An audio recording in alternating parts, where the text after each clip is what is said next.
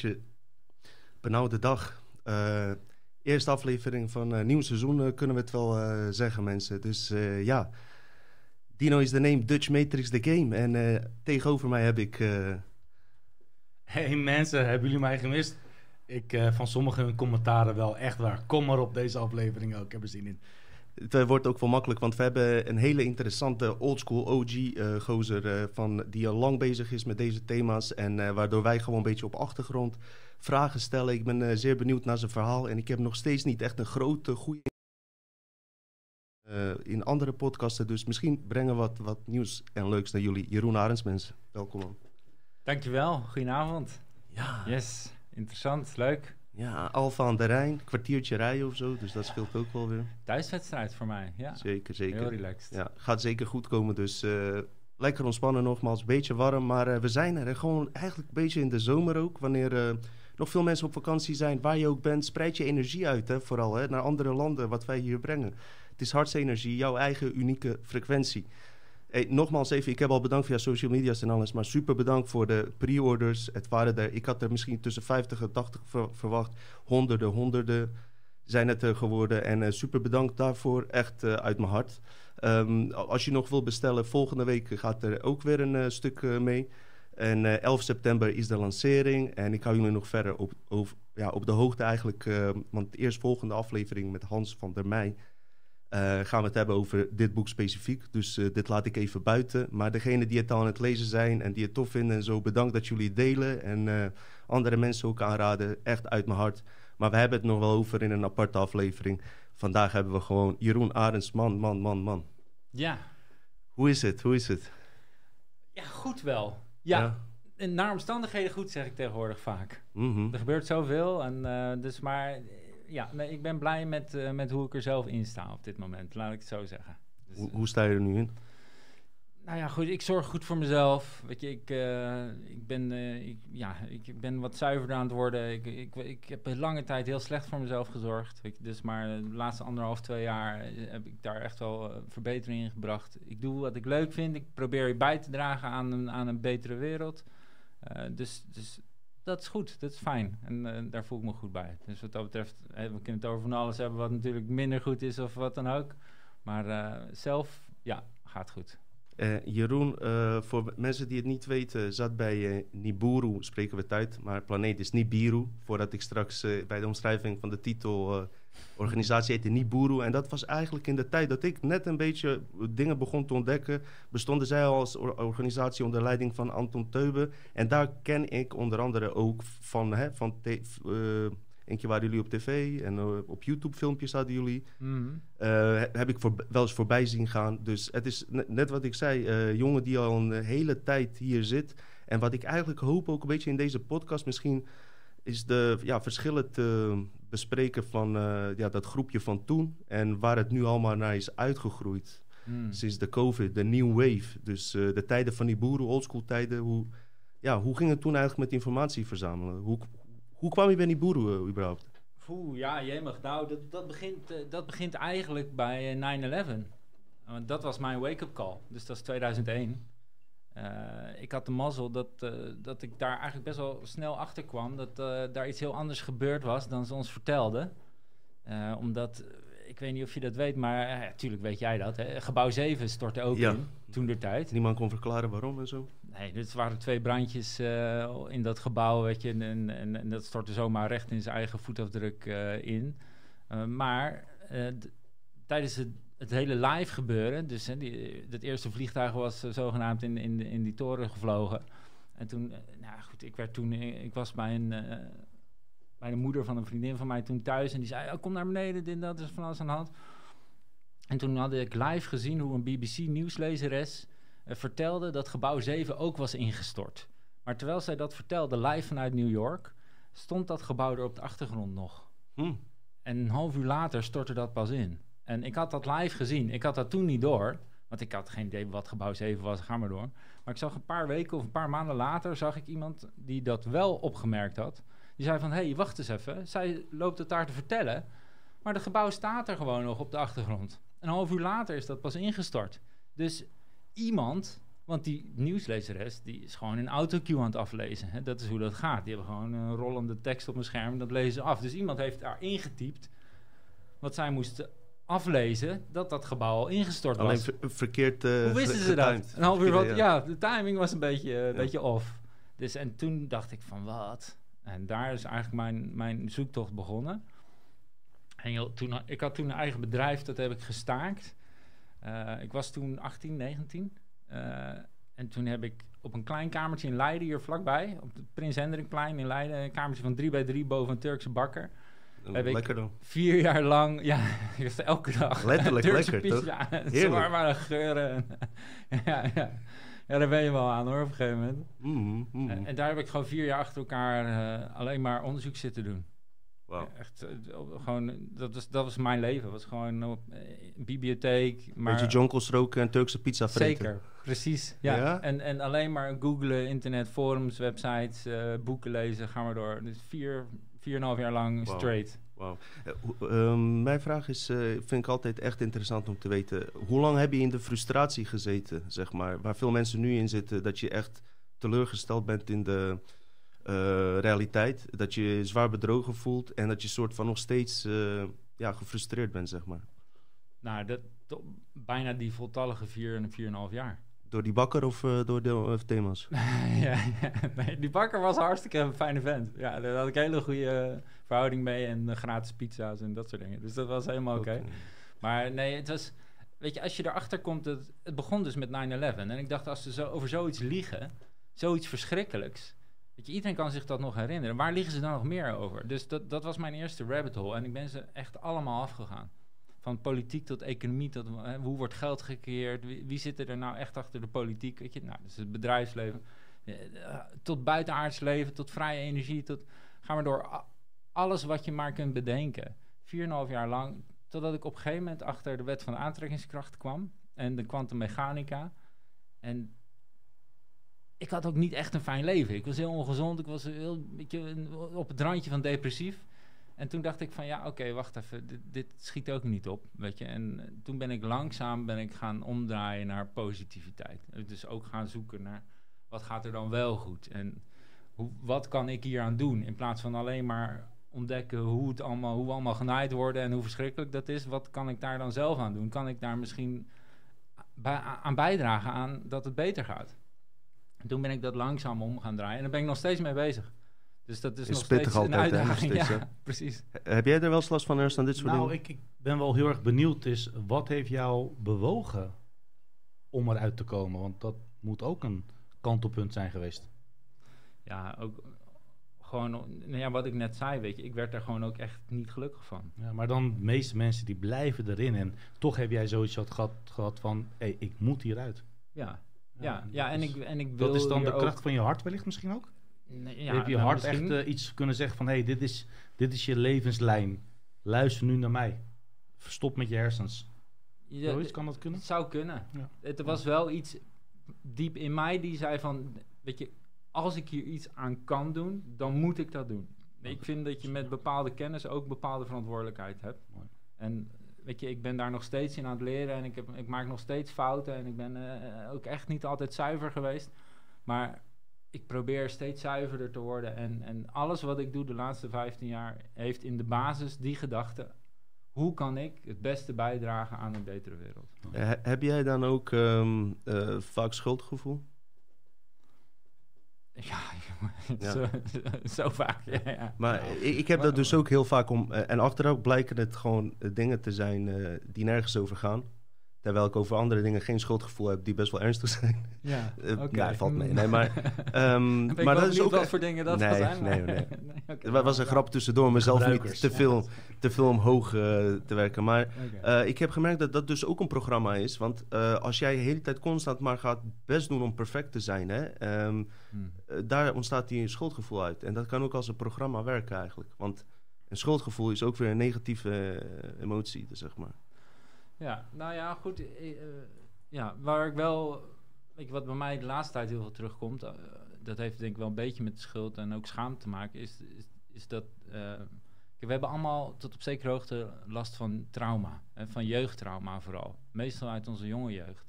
En het gaat eigenlijk altijd over het kleine jongetje of kleine meisje die zich niet goed genoeg voelt. Weet je, en daar heb ik wel lang schuld over gehad. Dat is iets waar ik pas de laatste tijd heel erg mee aan het werk ben. Mhm, En als mhm. jij in je jonge jeugd, je vader of je moeder of allebei er fysiek, emotioneel of mentaal niet voor je zijn geweest. En ze kunnen er fysiek voor je zijn, maar niet emotioneel of niet mentaal of, Ik snap hem zo. of allemaal. Dan, dan voel je je als klein mensje niet goed genoeg. Weet je, je bent voor hun afhankelijk van je overleving. En, en blijkbaar, en, nou, dat gaat je hele volwassen leven met je mee. En als je daar niks aan doet, ja, dan kan je dus als, als, ja, dan, als iets niet gaat zoals je wil, of, of als hè, mensen eh, kritiek op je hebben, dan komt dat heel snel weer omhoog. Mhm, En dat is mhm. vaak onbewust. En je hebt geen idee. En dan ga je dus eigenlijk heel kinderachtig gedrag vertonen. Nou, daar, als jij vraagt, heb je dus schuldgevoel? Nou, daar voel ik me dan wel schuldig over. Over dat gedrag wat ik heb vertoond in mijn volwassen leven. Wat, eh, wat mensen heeft gekwetst en geschaad. Mhm. En even zonder dat het een excuus is. Wat als oorzaak meestal dat jeugdtrauma had van ik voel me niet goed genoeg. Dus, en dat is denk ik ook wel echt een thema in deze tijd van nu. Weet je, mensen gaan echt naar binnen en proberen zichzelf te ontwikkelen. En komen dan vaak in aanraking met dat soort eh, oude trauma's en kindstukken. Ja, want daar moeten we eigenlijk ook even later in de uitzending heen. Trouwens, ook mensen, als eh, jullie straks vragen hebben voor deze man, eh, zullen we later eh, uiteraard ook bespreken. Ik moet even in de gaten houden een beetje met de wilde ga. Dankjewel Ersan, echt voor je hulp. Trouwens, we hebben nu een betere verbinding. Dankzij Ersan weer Nou. heeft hiervoor gezorgd. Ik heb glasvezel binnengehaald, waardoor we nog sneller robots kunnen worden. En maar het kan beeld ons is in overnemen. ja. En jij kan ons jongens nu gewoon, wij hoeven hier niet meer eens meer te zijn. Ja. In ieder geval, eh, het beeld wordt beter. En ehm, eh, ik kan misschien in de toekomst door AI ook camera's laten besturen. Maar dat is dan ook echt alles hoor. Dan stopt het ook daarbij. Eh, waar ik eigenlijk heen wilde, eh, wat je net vertelde, kunnen we later zeker op terugkomen. Eh, Traumaverwerking is iets wat nu best wel veel eh, voorkomt bij mensen die corona hebben onderzocht. En wat meer in de spiritualiteit komen, zichzelf wat meer gaan ontdekken en zo. Mm. Maar even de tijdlijn, zeg maar. ehm, je deed je onderzoek boven die Turkse bakker. Ehm, je rookte die jonkel. Nee, Oh, Nee, zoveel, ja. nee, en hoe heet het? hoe kwam je in aanraking met Anton Teube en Niburu? Nou ja, na- dat onderzoek ben ik dus, eh, en dan hebben we het over 2005, 6, 7, ben ik, ge- toen ging ik denken, oké, wat kan ik dan doen? Ik heb al die informatie verzameld, ik, eh, ik wil dit verspreiden. Ik, ik wil dat andere mensen weten wat ik weet. En dat ben ik toen gaan doen op forums, via nieuwsbrieven, ga maar door. Weet je, ja, het was toen allemaal nog heel klein. Je had, je had eigenlijk niet zoveel. Hè? Nu heb je honderden websites, blogs, en vlogs en ga maar door. Maar toen was het allemaal nog... Weet je, zelfs meditatie was je al zweefteven als je mediteerde. Zeker. Of als je yoga deed. Heb jij ook foto's eh, trouwens doorheen toen, eh, toen ik hem een beetje introduceerde? Eh, Eh, heb ik niet vermeld, had wel, ik moeten wel, doen. wel van de boek, maar niet Nee, nee. Eh, maar ehm, Ik zal het erin zetten. wil ik even tussendoor zeggen. We, we gaan even deze lijn nemen, omdat ik bij de introductie dat niet heb verteld. Deze man heeft dus bij Niburu gezeten. is een eh, organisatie hè, waar, waar die straks over gaat spreken. Maar later kwam hij bij OPN toen corona uitbrak. Ook een soort van... een show, is, een eh, talkshow. De onafhankelijke pers Nederland. Er was Juist. een persbureau. Juist, daar gaan we straks heen, hoe, dat hoe, hoe dat is gegaan, zeg maar. En nu werkt hij Hmm. bij andere...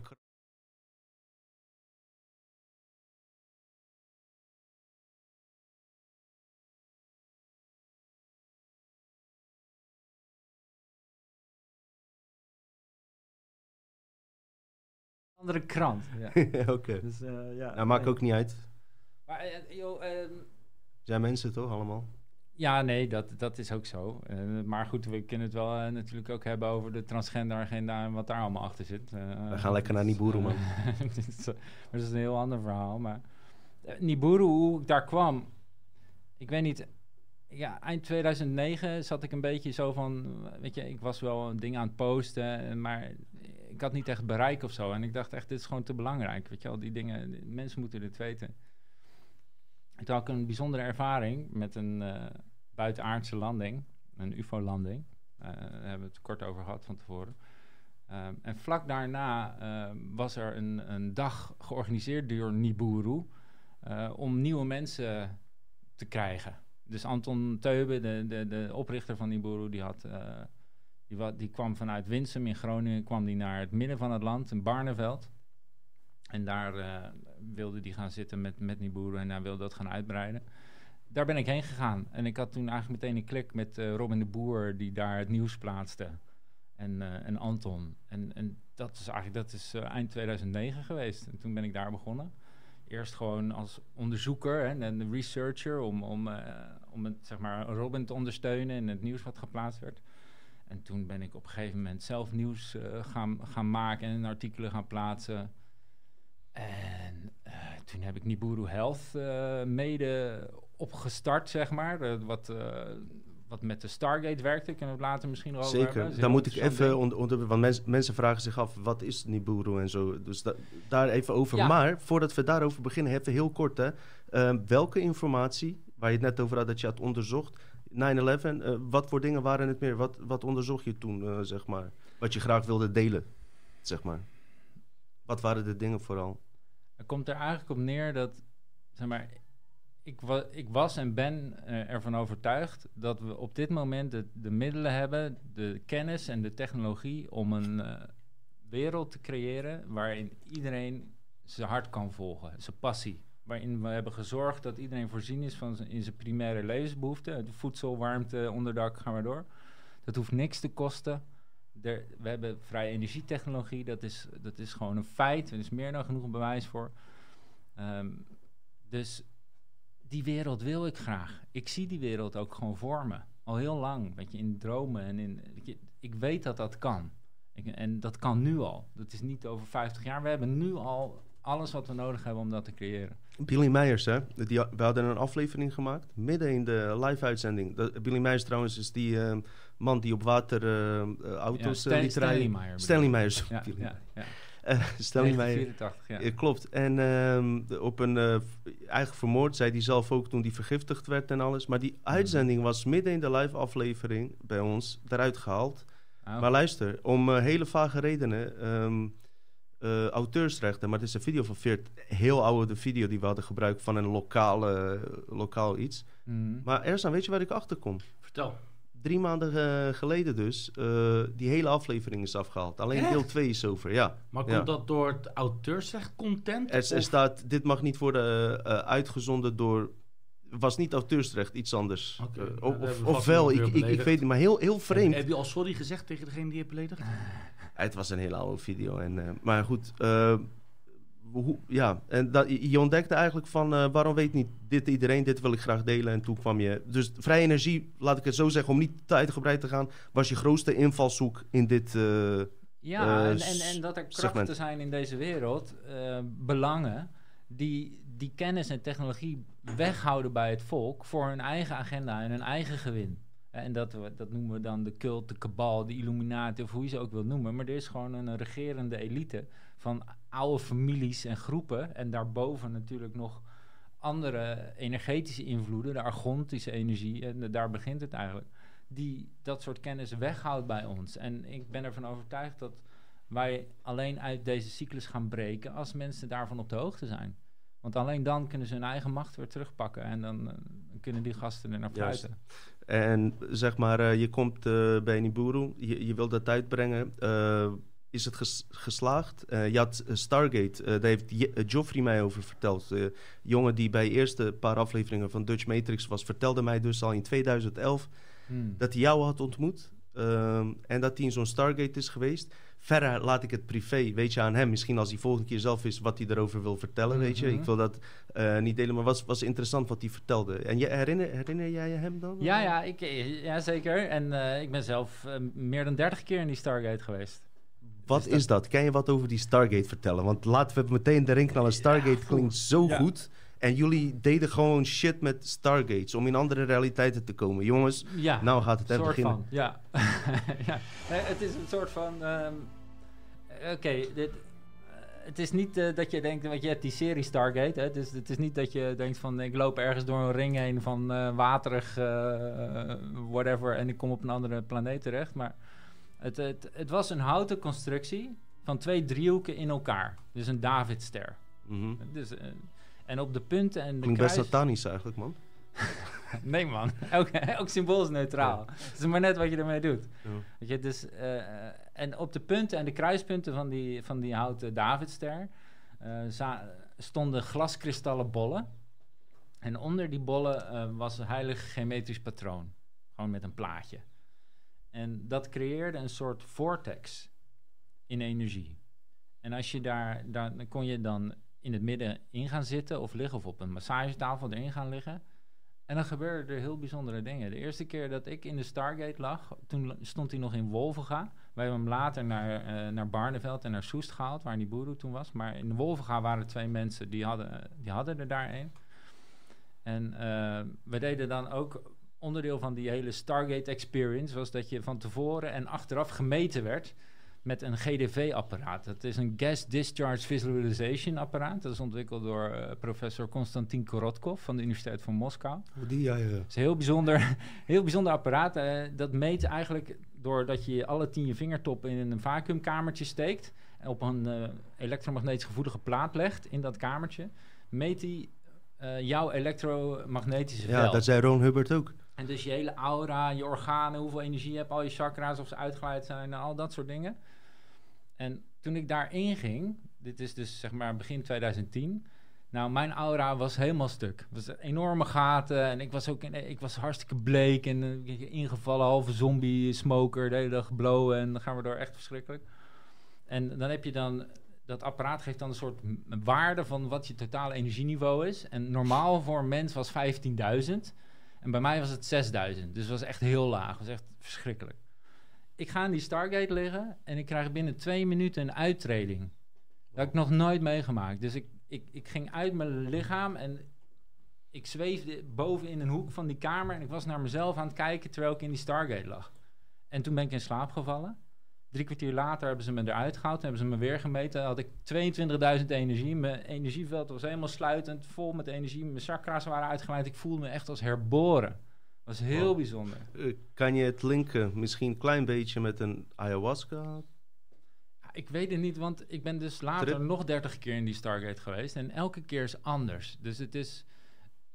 Wat ons verteld wa- wat werd zie je dan? door de ontwikkelaar van dat ding. Dat is John Haan. Die woont in Valkenswaard.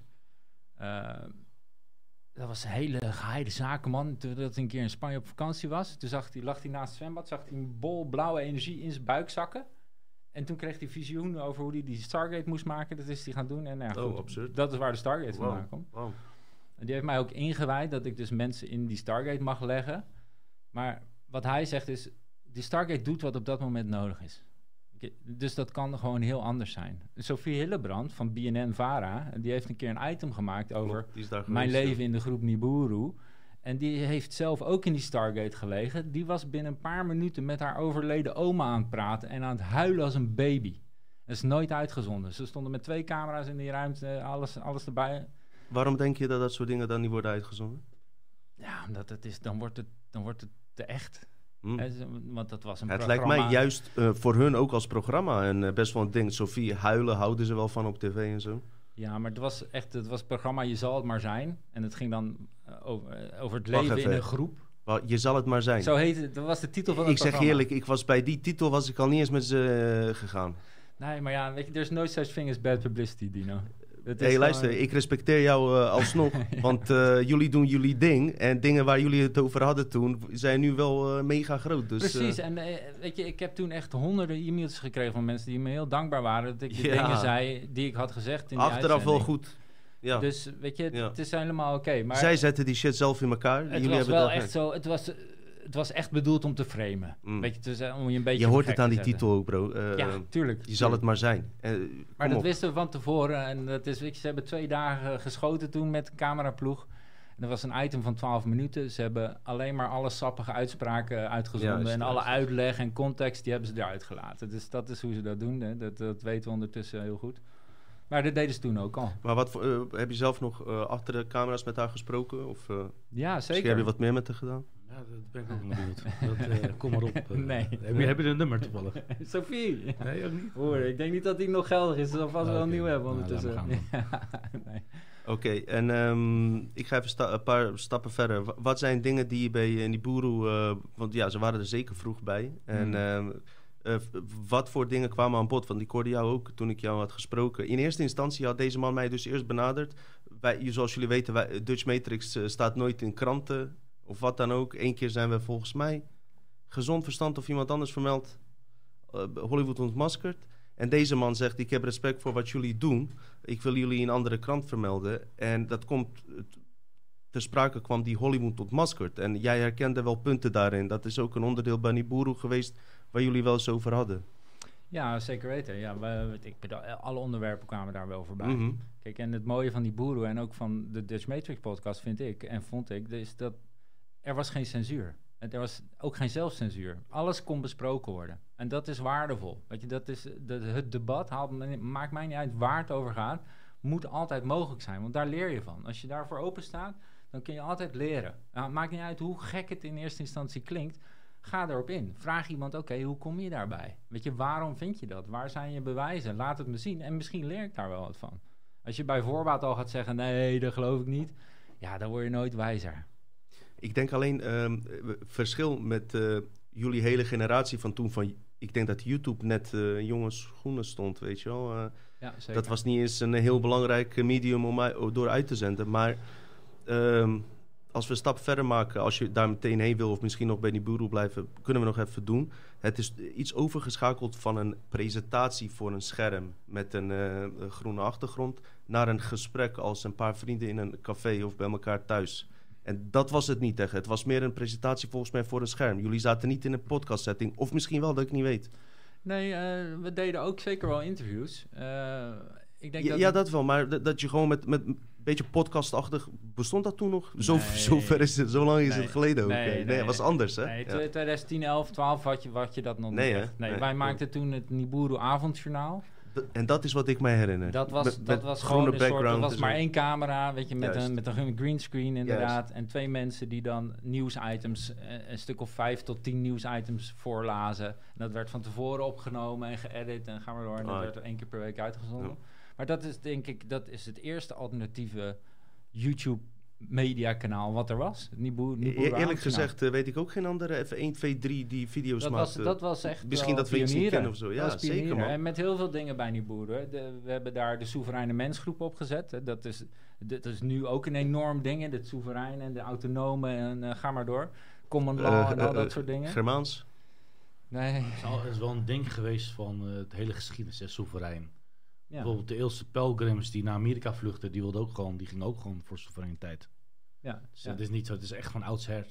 Nee, eens, maar zeg maar dat dat. eh, En we zijn allemaal soeverein geboren, als je het mij vraagt. Maar de- in 2010, 11 eh, kwamen we Luca van Dinter tegen, een eh, jurist. Die dat voor het eerst echt officieel aan het neerzetten was in Nederland. En hij was de tweede soevereine mens van Nederland. Ik ben de elfde soevereine mens van Nederland, geloof ik, officieel. En dat is toen echt begonnen. Hij kwam dan een keer naar Niburu, gaf een presentatie over hoe hij dat zag. Eh, en toen hebben we gezegd van, oké Luca, dit is zo boeiend, dit gaan we groot maken. We gaan hier met Niburu gaan we hier een- een- presentaties over geven. Jullie hebben een, een informatie eh, diaspora gehad.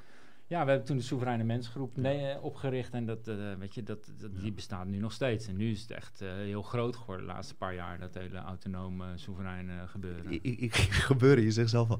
Ja. Ik wil er niet te lang bij stilstaan. Ik weet dat wij nog leukere gesprekken gaan hebben. Hou die landing even heel goed, eh sla hem goed op. Maar dat soeverein.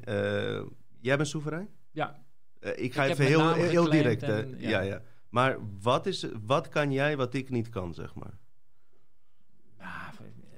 Niks. Nee, kijk, het is, het is pionieren. Dus eh, dat wisten we toen al. Hè. We Mhm. wisten toen al, je moet eigenlijk iets van 200, 250.000 mensen hebben die soeverein zijn. En dan kun je met z'n allen tegelijk zeggen van... we gaan vanaf eh 1 september geen belasting meer betalen. Weet je, dan, Mhm. begint, dan gebeurt er wat. Maar als je dat met 100 mensen doet, of met 5000 mensen, of met 50.000, dat is te weinig. En dan komen ze je gewoon halen. Dus het is, kijk, eh, het is een langer verhaal, maar Is het geen eh, soeverein- labyrint waar je in komt? Waar je uiteindelijk gewoon zo ingewikkeld wordt gemaakt dat je leven niet meer leuk is, zeg maar? Nou, Om alle papierwerk uit te zoeken en zo. Het was toen echt pionieren. En er zijn toen heel veel best wel erge dingen gebeurd met mensen die, zeg maar, hè, die gingen een soeverein nummerbord op hun auto zetten. Ja, dan word je dus gewoon elke dag van de weg afgehaald door de politie. En dan Ja. krijg je dikke boetes en dan wordt je auto in beslag genomen. En dat werkt niet. Het is wel, sorry dat ik je onderbreek, maar ik, ik was laatst nieuwsuur aan het kijken en ik zag dat tegenwoordig de AIVD, nu dat ik dat zeg, wordt al gelijk gekenmerkt, een issue had met deze soort mensen die gewoon zijn rekening niet meer wilden betalen, geen zorgverzekering Ja. meer wilden betalen. Ja. Zegt ervan, ik ben niet van de staat, dus ik hoef me nergens aan vast te houden. Ja, en dat is omdat het er nu Eh. zijn het er heel veel. En toen waren het er nog maar heel weinig. Ah. Ja. En kijk, toen had je ook al mensen die, die, die gingen boetes terugsturen en die gingen brieven Ja, aan de Belastingdienst ja, ja. eh, sturen van Ja. ik ga geen belasting meer Met betalen. standaard templates. Komen die templates van jou? Ja, maar er zijn mensen gewoon uit hun huis gezet toen. Of hun kinderen zelfs kwijt. Ja, dat is, dat is, dat is omdat door ze de... dat proces ingingen. En dat is gewoon, je, je wilt slim zijn. En je, je bent wel tegen iets aan het strijden wat gewoon heel erg machtig is. En eh, Mhm. ja, het klopt dat belasting in principe eh, crimineel is. En dat je het niet hoeft te betalen. Dat klopt, maar iedereen doet het wel. En zolang iedereen gewoon nog conformeert en blijft betalen... Ja, dan kun jij met eh 100 of 10.000 mensen gaan zeggen... we doen dat niet, maar dan komen ze gewoon halen. Want dat is natuurlijk... Dus je moet slim blijven. Je kunt wel veel bewustzijn creëren... door brieven te gaan sturen, boetes terug te gaan sturen. En dan eh, misschien maak je een paar mensen wakker bij het CIB, weet je, die Maar- die brieven Maar kijk, lezen. kijk, die belasting betalen en dergelijke, oké, maar dat je niet wilt houden aan bepaalde snelheidslimieten, dat ik, ik, ik, ik, ik vind het ook niet ethisch als je 200 km per uur over de snelweg gaat heen rijden. Nee, is het ook niet. Nee, nee, Nee. dus dat is wel echt waarvan ik denk, maar als je een boete krijgt van 200 euro, dan ben ik blij dat die persoon het krijgt, omdat ik hem dat het een, een, een minimale kans is of dat hij iets veroorzaakt dat anderen ook eraan eh, kunnen leiden, zeg maar. Maar kijk, het eh, onderdeel, van, eh, onderdeel van het soevereine proces wat ik toen ingegaan ben, was, eh, daar hoorde bij dat je een, eh, een notariële akte stuurde aan de koningin, toen nog, koningin Beatrix, waarin je omschrijft, eh, of in ieder geval aangeeft dat je je naam en je soevereiniteit geclaimd hebt en wat dat inhoudt. En daar staat ook in dat je anderen niet kwetst en schaadt. En dat jij op een soevereine manier met anderen omgaat. Dat je respect hebt voor anderen, voor de, voor de, voor de, voor de natuur, voor de wetten. Voor de, en dus daar moet je dan ook wel aan houden. En dat is natuurlijk gewoon compleet onverantwoord om 200 te gaan rijden. Want dan breng je anderen potentieel in gevaar. Precies. Dus je moet het niet als excuus gaan gebruiken om maar te doen wat je wil. Het Ja. is juist ook, het heeft heel erg met integriteit te maken. Nou, en een aantal mensen die de energie daarachter zetten om zo'n wet door te laten gaan en eh, om het tot, tot stand te krijgen, is nog steeds eigenlijk niet genoeg. Snap je? Dat Klopt. is het ding. De, de, dat je geen ministers nog hebt geïnspireerd om eh, dit naar voren te brengen. eh, niet genoeg, ook van de linkerkant. Je hebt wat ze daar rechts noemen Baudet. Ehm, het zou mooi zijn als er van de linkerkant ook een eh, soort van eh, Baudet van links komt. je- Een complot. Links is rechts Maar- tegenwoordig, toch? Ja, En- precies, want bedoel, dus, ja. Je, je weet toch die tijd, het waren juist linkse eh, activisten die complotten deden, hè? toch? Meer dan rechts, toch?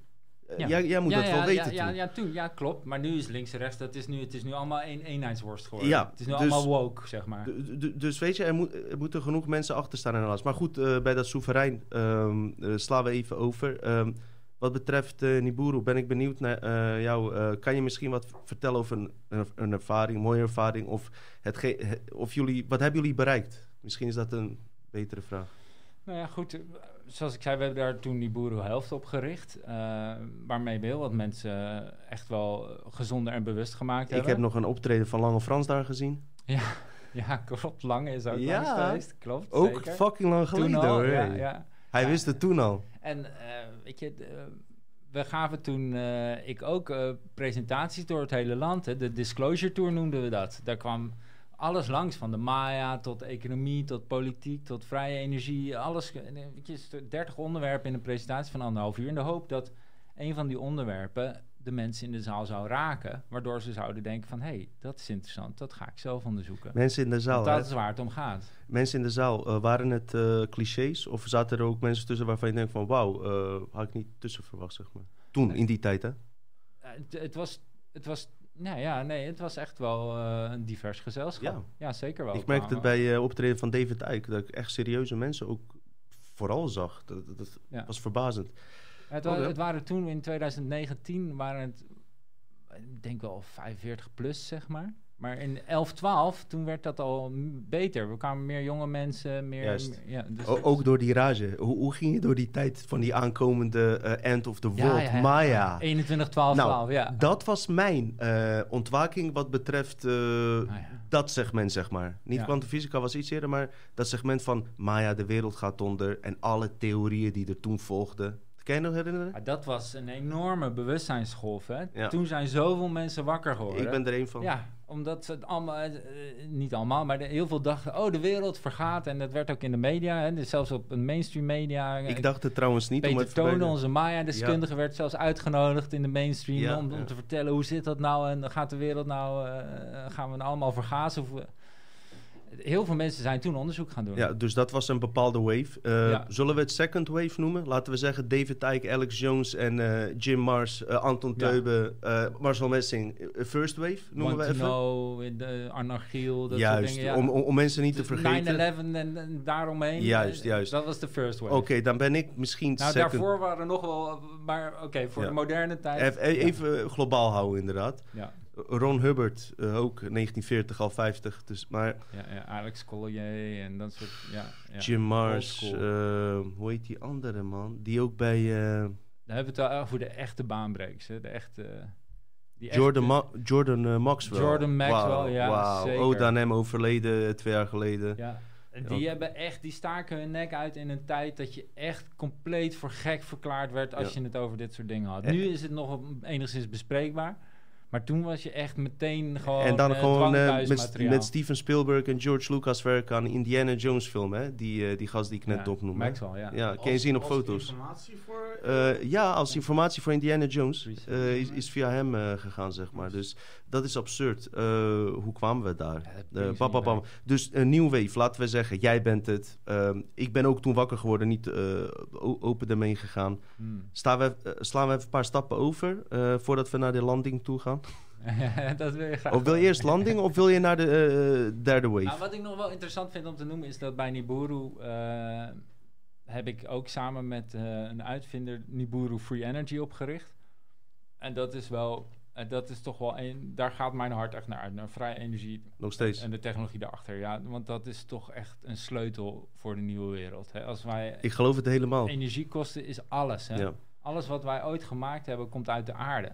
Klopt. En om het uit de aarde te halen, alles wat wij zien, alles wat we ooit gebouwd hebben, om dat uit de aarde te halen, die grondstoffen, hebben we energie nodig. Om het te verwerken, Billy transporteren, Meijers of produceren. Billy Meijers, ja. Hebben we, het is allemaal energiekosten. Dus een baksteen is 95% energiekosten. Mhm. Een mobiele telefoon, precies hetzelfde. Als we dat gratis, als dat nul is, energiekosten nul zijn, dan is bijna alles gratis. Ik wou zeggen, die Stanley Meijers heeft dat laten zien, hoe die dat doet.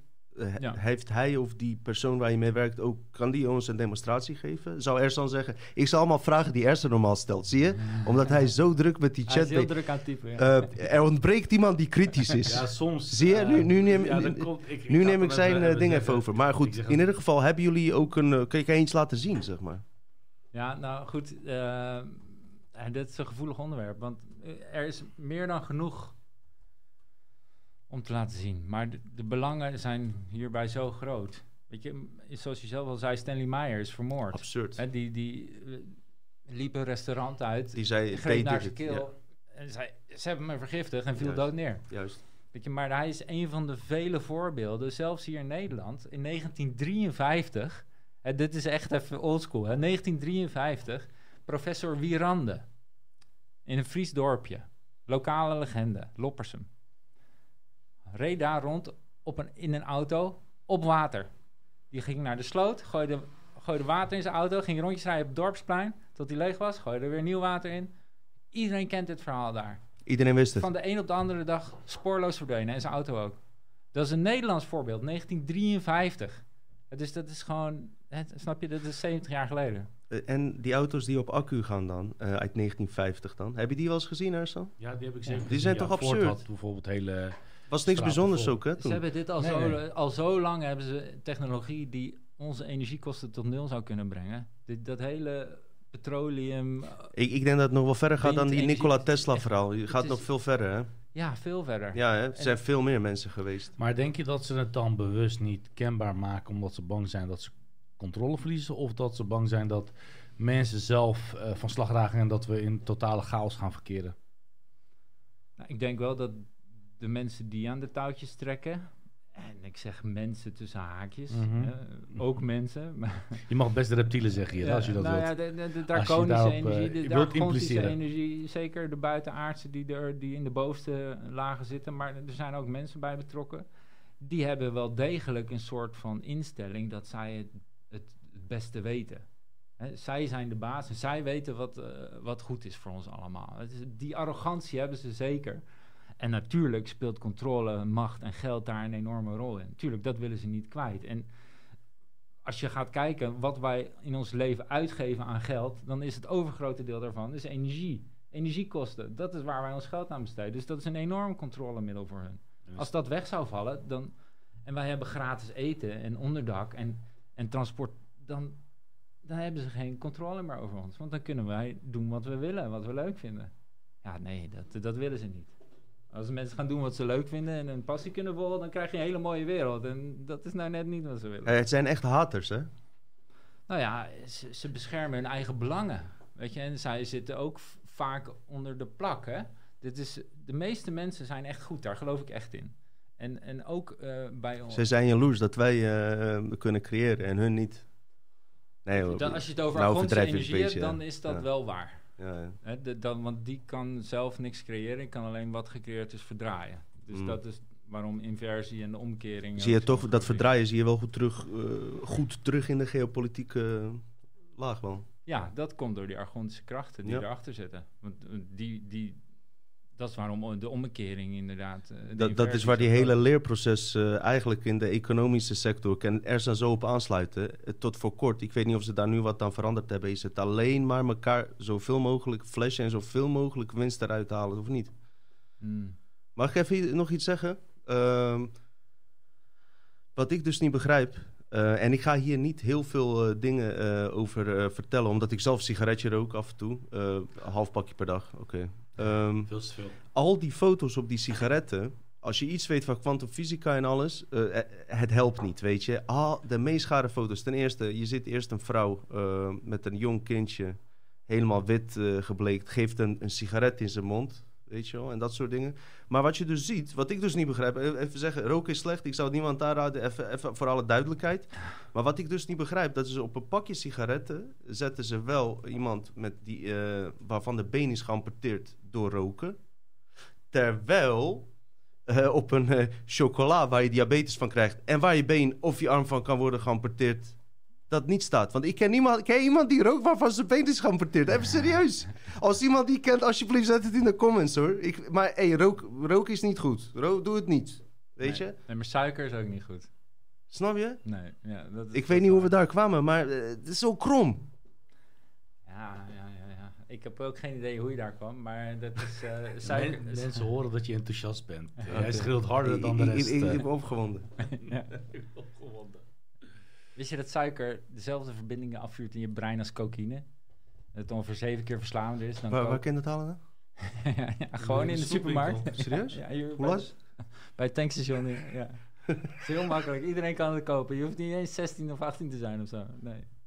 Ik hou van jullie mee. mensen, trouwens. Als je mij te hard hoort, moet je zeggen hoor. Eh, Ja, ik ze, er één iemand heeft Oké. continu last, maar je bent gewoon enthousiast, want hier ben je ook wel echt hard. Oké, oké, oké. Is goed, is goed. Ik, ik Ja, zal jij dat moet rustig iets meer in je staan doen. microfoon in praten. Oké, Oké, Is goed, sorry. Eh, de luister, ik ben, op. Ersan. Ja, ik ben eh, op vakantie geweest. Ik ben helemaal opgeladen. Ik heb echt eh, vandaag heel druk gehad, van alles gedaan. Maar ik heb er gewoon zin in. Het is lekker weer. En met deze man valt veel te bespreken. Niburu, wil je nog wat over Niburu vertellen? Nou, wat ik dus wel, wat ik nog wil noemen is dat, dat vrije energiestukje en eh, de, de nieuwe natuurkunde, waar ik toen achter kwam in die tijd dat ik daar veel onderzoek naar deed bij Niburu. Want dat is wel iets waarvan ik merk dat ook tegenwoordig nog maar weinig mensen echt kennis van hebben. En dat is toch, ik, ik zei het eh, vo- voordat we begonnen tegen Ersan al, eh, de spiritualiteit wordt vaak gezien als iets zweverigs, maar het is eigenlijk gewoon wetenschap. En dat is al die esoterische dingen, al die uitspraken van alles is liefde, alles is één, alles is verbonden. Dat lijkt heel zweverig en esoterisch, maar het is eigenlijk heel wetenschappelijk. En er zijn mensen die nu eh, op wetenschappelijk niveau dit soort esoterische uitspraken aan het bewijzen zijn. En dat vind ik boeiend, want als we daarin gaan met z'n allen en die kennis gaan verspreiden, dan worden die oneindige mogelijkheden duidelijk voor iedereen. En een van de mensen die hier echt wel het verst in is, wat mij betreft, is Nassim Haramein. En ik weet niet of jij ja, die dat is kent. die gast met zwart haar, een beetje krullen zo. En hij praat ook wel eens over Matrix en eh ja, ja. ook. ja, een beetje surfdude-achtig eh Ehm, vibes heeft hij. Ik hoor goede verhalen over hem, maar ik heb nooit echt zo'n eh, de trigger nog gehad om hem echt te onderzoeken, weet je wel. Maar ik heb goede verhalen over hem gehoord. Dat is echt de nieuwe Einstein. Serieus. Klinkt beter nu trouwens? Die man eh, die heeft, eh, die heeft de zogenaamde Unified Field Theory ontdekt. Ik Hm. weet niet of je daar bekend mee bent, maar dat is, Eh, graag, leg het uit. dat is een soort van de heilige graal van de natuurkunde. Eh, want wat je zeg maar. Je kent kwantummechanica, de kwantumfysica. Dat, dat is dus ook in de, in de, zeg maar de, de wakkere of de mensen die met bewustzijn bezig zijn. En ik vind wakker niet zo'n fijne terminologie, maar is dat, is dat een heel bekend fenomeen. De kwantummechanica en, het dubbele spleet experiment en oh, de, die observer effect en wat je observeert, dat creëer je. Dat dubbele spleet experiment klopt niet helemaal. Daar kunnen we het later misschien nog over hebben, want dat is wel interessant. Maar je hebt aan de ene kant heb je dus de kwantummechanica. Dat beschrijft de kleine dingen. En dus de, de quarks, de gluonen, die muonen, dit is zeg maar subatomaire deeltjes. Aan de andere kant heb je Einstein's relativiteitstheorieën, die de grote dingen beschrijven. Dus planeten, sterren en hoe atomen, hoe dat allemaal om elkaar heen draait, zeg maar. Afzonderlijk van elkaar werken, dit zijn allemaal theorieën, hè? Het zijn eh, Einstein's relativiteitstheorieën en de kwantummechanica, kwantumfysica, het zijn allemaal theorieën. Los van elkaar werken die heel goed. Dus als je de baan van, eh, van Pluto om de zon heen wil beschrijven, dan werken eh, de relativiteitstheorie heel goed. Als je subatomaire deeltjes beschrijven, werkt kwantummechanica heel goed. Maar als je ze bij elkaar stopt, dan werken ze allebei niet. Mhm. Dus ergens klopt iets niet. Of de kwantummechanica klopt niet, of Einstein's theorie, klopt, of ze kloppen allebei niet. Mhm. Haramijn heeft de verenigd veldtheorie ontdekt, die die twee werelden verbindt en kloppend maakt. Oké, oké. En dat is zeg maar de altijd al de heilige graal van de natuurkunde geweest.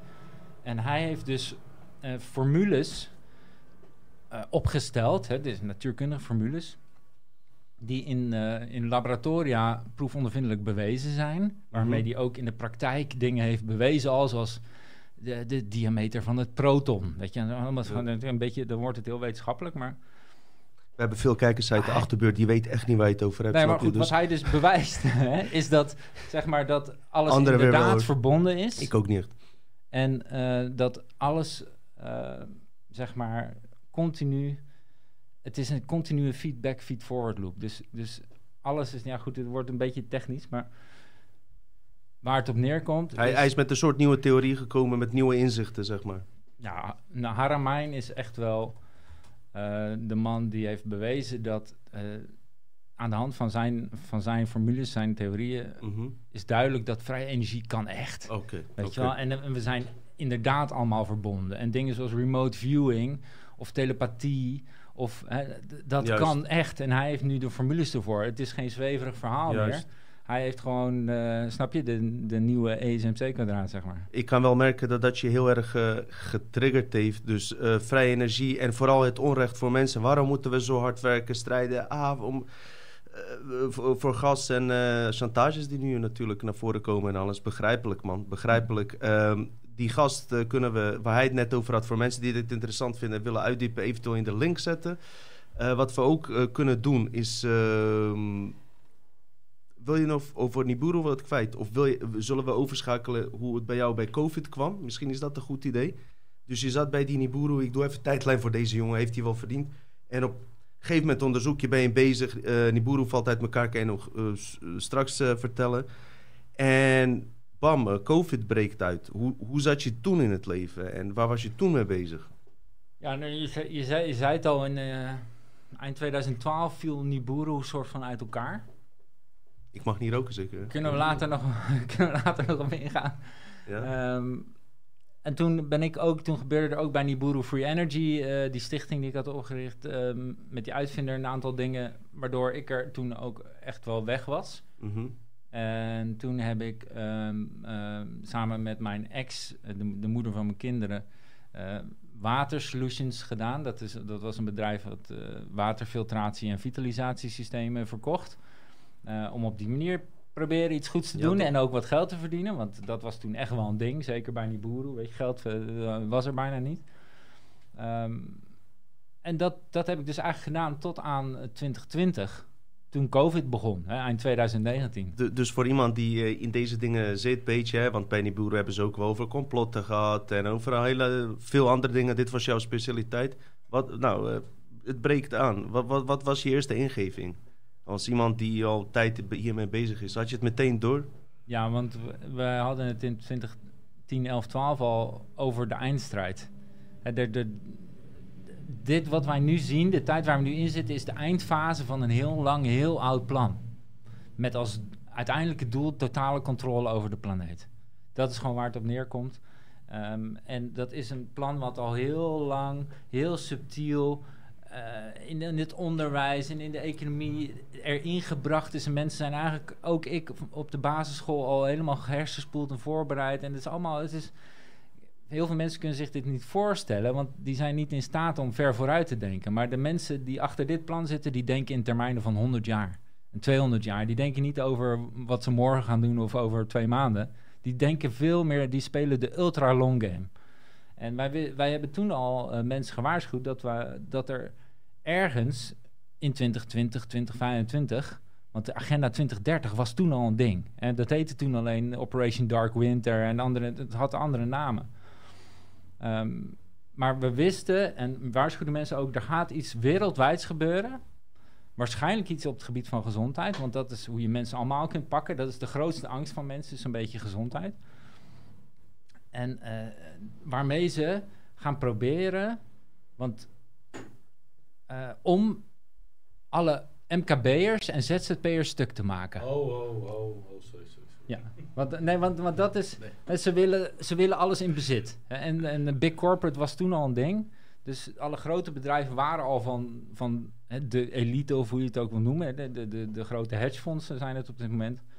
En eh, de eindfase was altijd al bedoeld om die onderste laag van, de, van ondernemend Nederland, maar van de mensen, dus de ZZP'ers en het MKB, om die stuk te maken.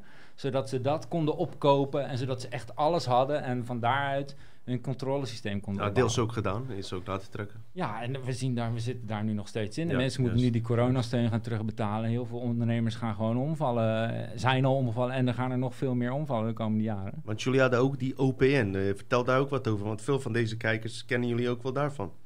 Ja, nee, goed, dus OPN. eind 2019, begin 2020 eh, was voor mij wel eh, al echt wel meteen duidelijk dat het gewoon eh, een grote, zoals ze het altijd doen, problem reaction solution verhaal was. En dat is de methode die ze altijd gebruiken. Ze creëren een probleem wat eigenlijk helemaal niet echt is. Anticiperen op de reactie van de mensen, in dit geval van, oh jee, dodelijk virus, we moeten allemaal luisteren naar wat de staat ons vertelt. En dan komen ze met hun oplossing en dat is dan het controlegrid en QR-codes en ga maar door. Dus toen dacht ik, oké, zoals ik net al zei, wat kan ik het beste doen om hier iets aan te doen, om bij te dragen? En toen dacht ik, nou ja, goed, het verspreiden van de informatie. Wat ik toen bij Nibiru ook al deed, wat ik eigenlijk altijd al heb geprobeerd. juist. En eh, dus toen heb ik samen met een eh, initieel klein groepje mensen de Onafhankelijke Pers Nederland opgericht. Een persbureau met als doel om dus via YouTube, via livestreams, via interviews. We hebben zelfs ook later een krantje gemaakt om de informatie te verspreiden waarvan ik dacht dat die, eh, of wij, hè, want het was op een gegeven moment een groep van 25 mensen, dachten dat eh, dat, dat belangrijk was. Ja. Dus vandaar, dus dat, dat- dus ja. Ik kan me nog herinneren, jullie, eh, omdat we een beetje tegelijk ook waren begonnen. Wanneer waren we? Iets voor april. We hadden zo en zo daarvoor afleveringen. Maar ik vond het wel interessant hoe heel veel podcasten of eh, alternatieven opkwamen. En ik heb jullie ook toen eh, gekeken en alles. En op een gegeven moment zag ik niks meer. ja. Zijn jullie gestopt? Ja, OPN is nu eh, eigenlijk alleen nog actief op Telegram. Oké. En dat wordt gedaan door één vrouw. En, en verder gebeurt er weinig meer. En dat is puur omdat... Misschien als je een, ma- een man erbij doet dat er wat gebeurt. Net als in... ja. huh? Nee, maar dat is... eh, weet je, de vrouw die dat doet, eh, die- dat is een hartstikke mooie mens. En, en eh, die zit daar echt met hart en ziel in. zoals zoveel mensen die, die bij. OPN betrokken waren. Maar er moest ook geld verdiend worden. Dat is, dat is En de issue. Dat gebeurde niet en ik was er echt diep ingedoken. En eh, weet je, ik had dus dat bedrijf Mhm. in watervitalisatiesystemen. en ik had OPN opgericht. En ik wilde dat eigenlijk naast elkaar doen. Maar dat is me gewoon niet gelukt. En dat bedrijf is failliet gegaan.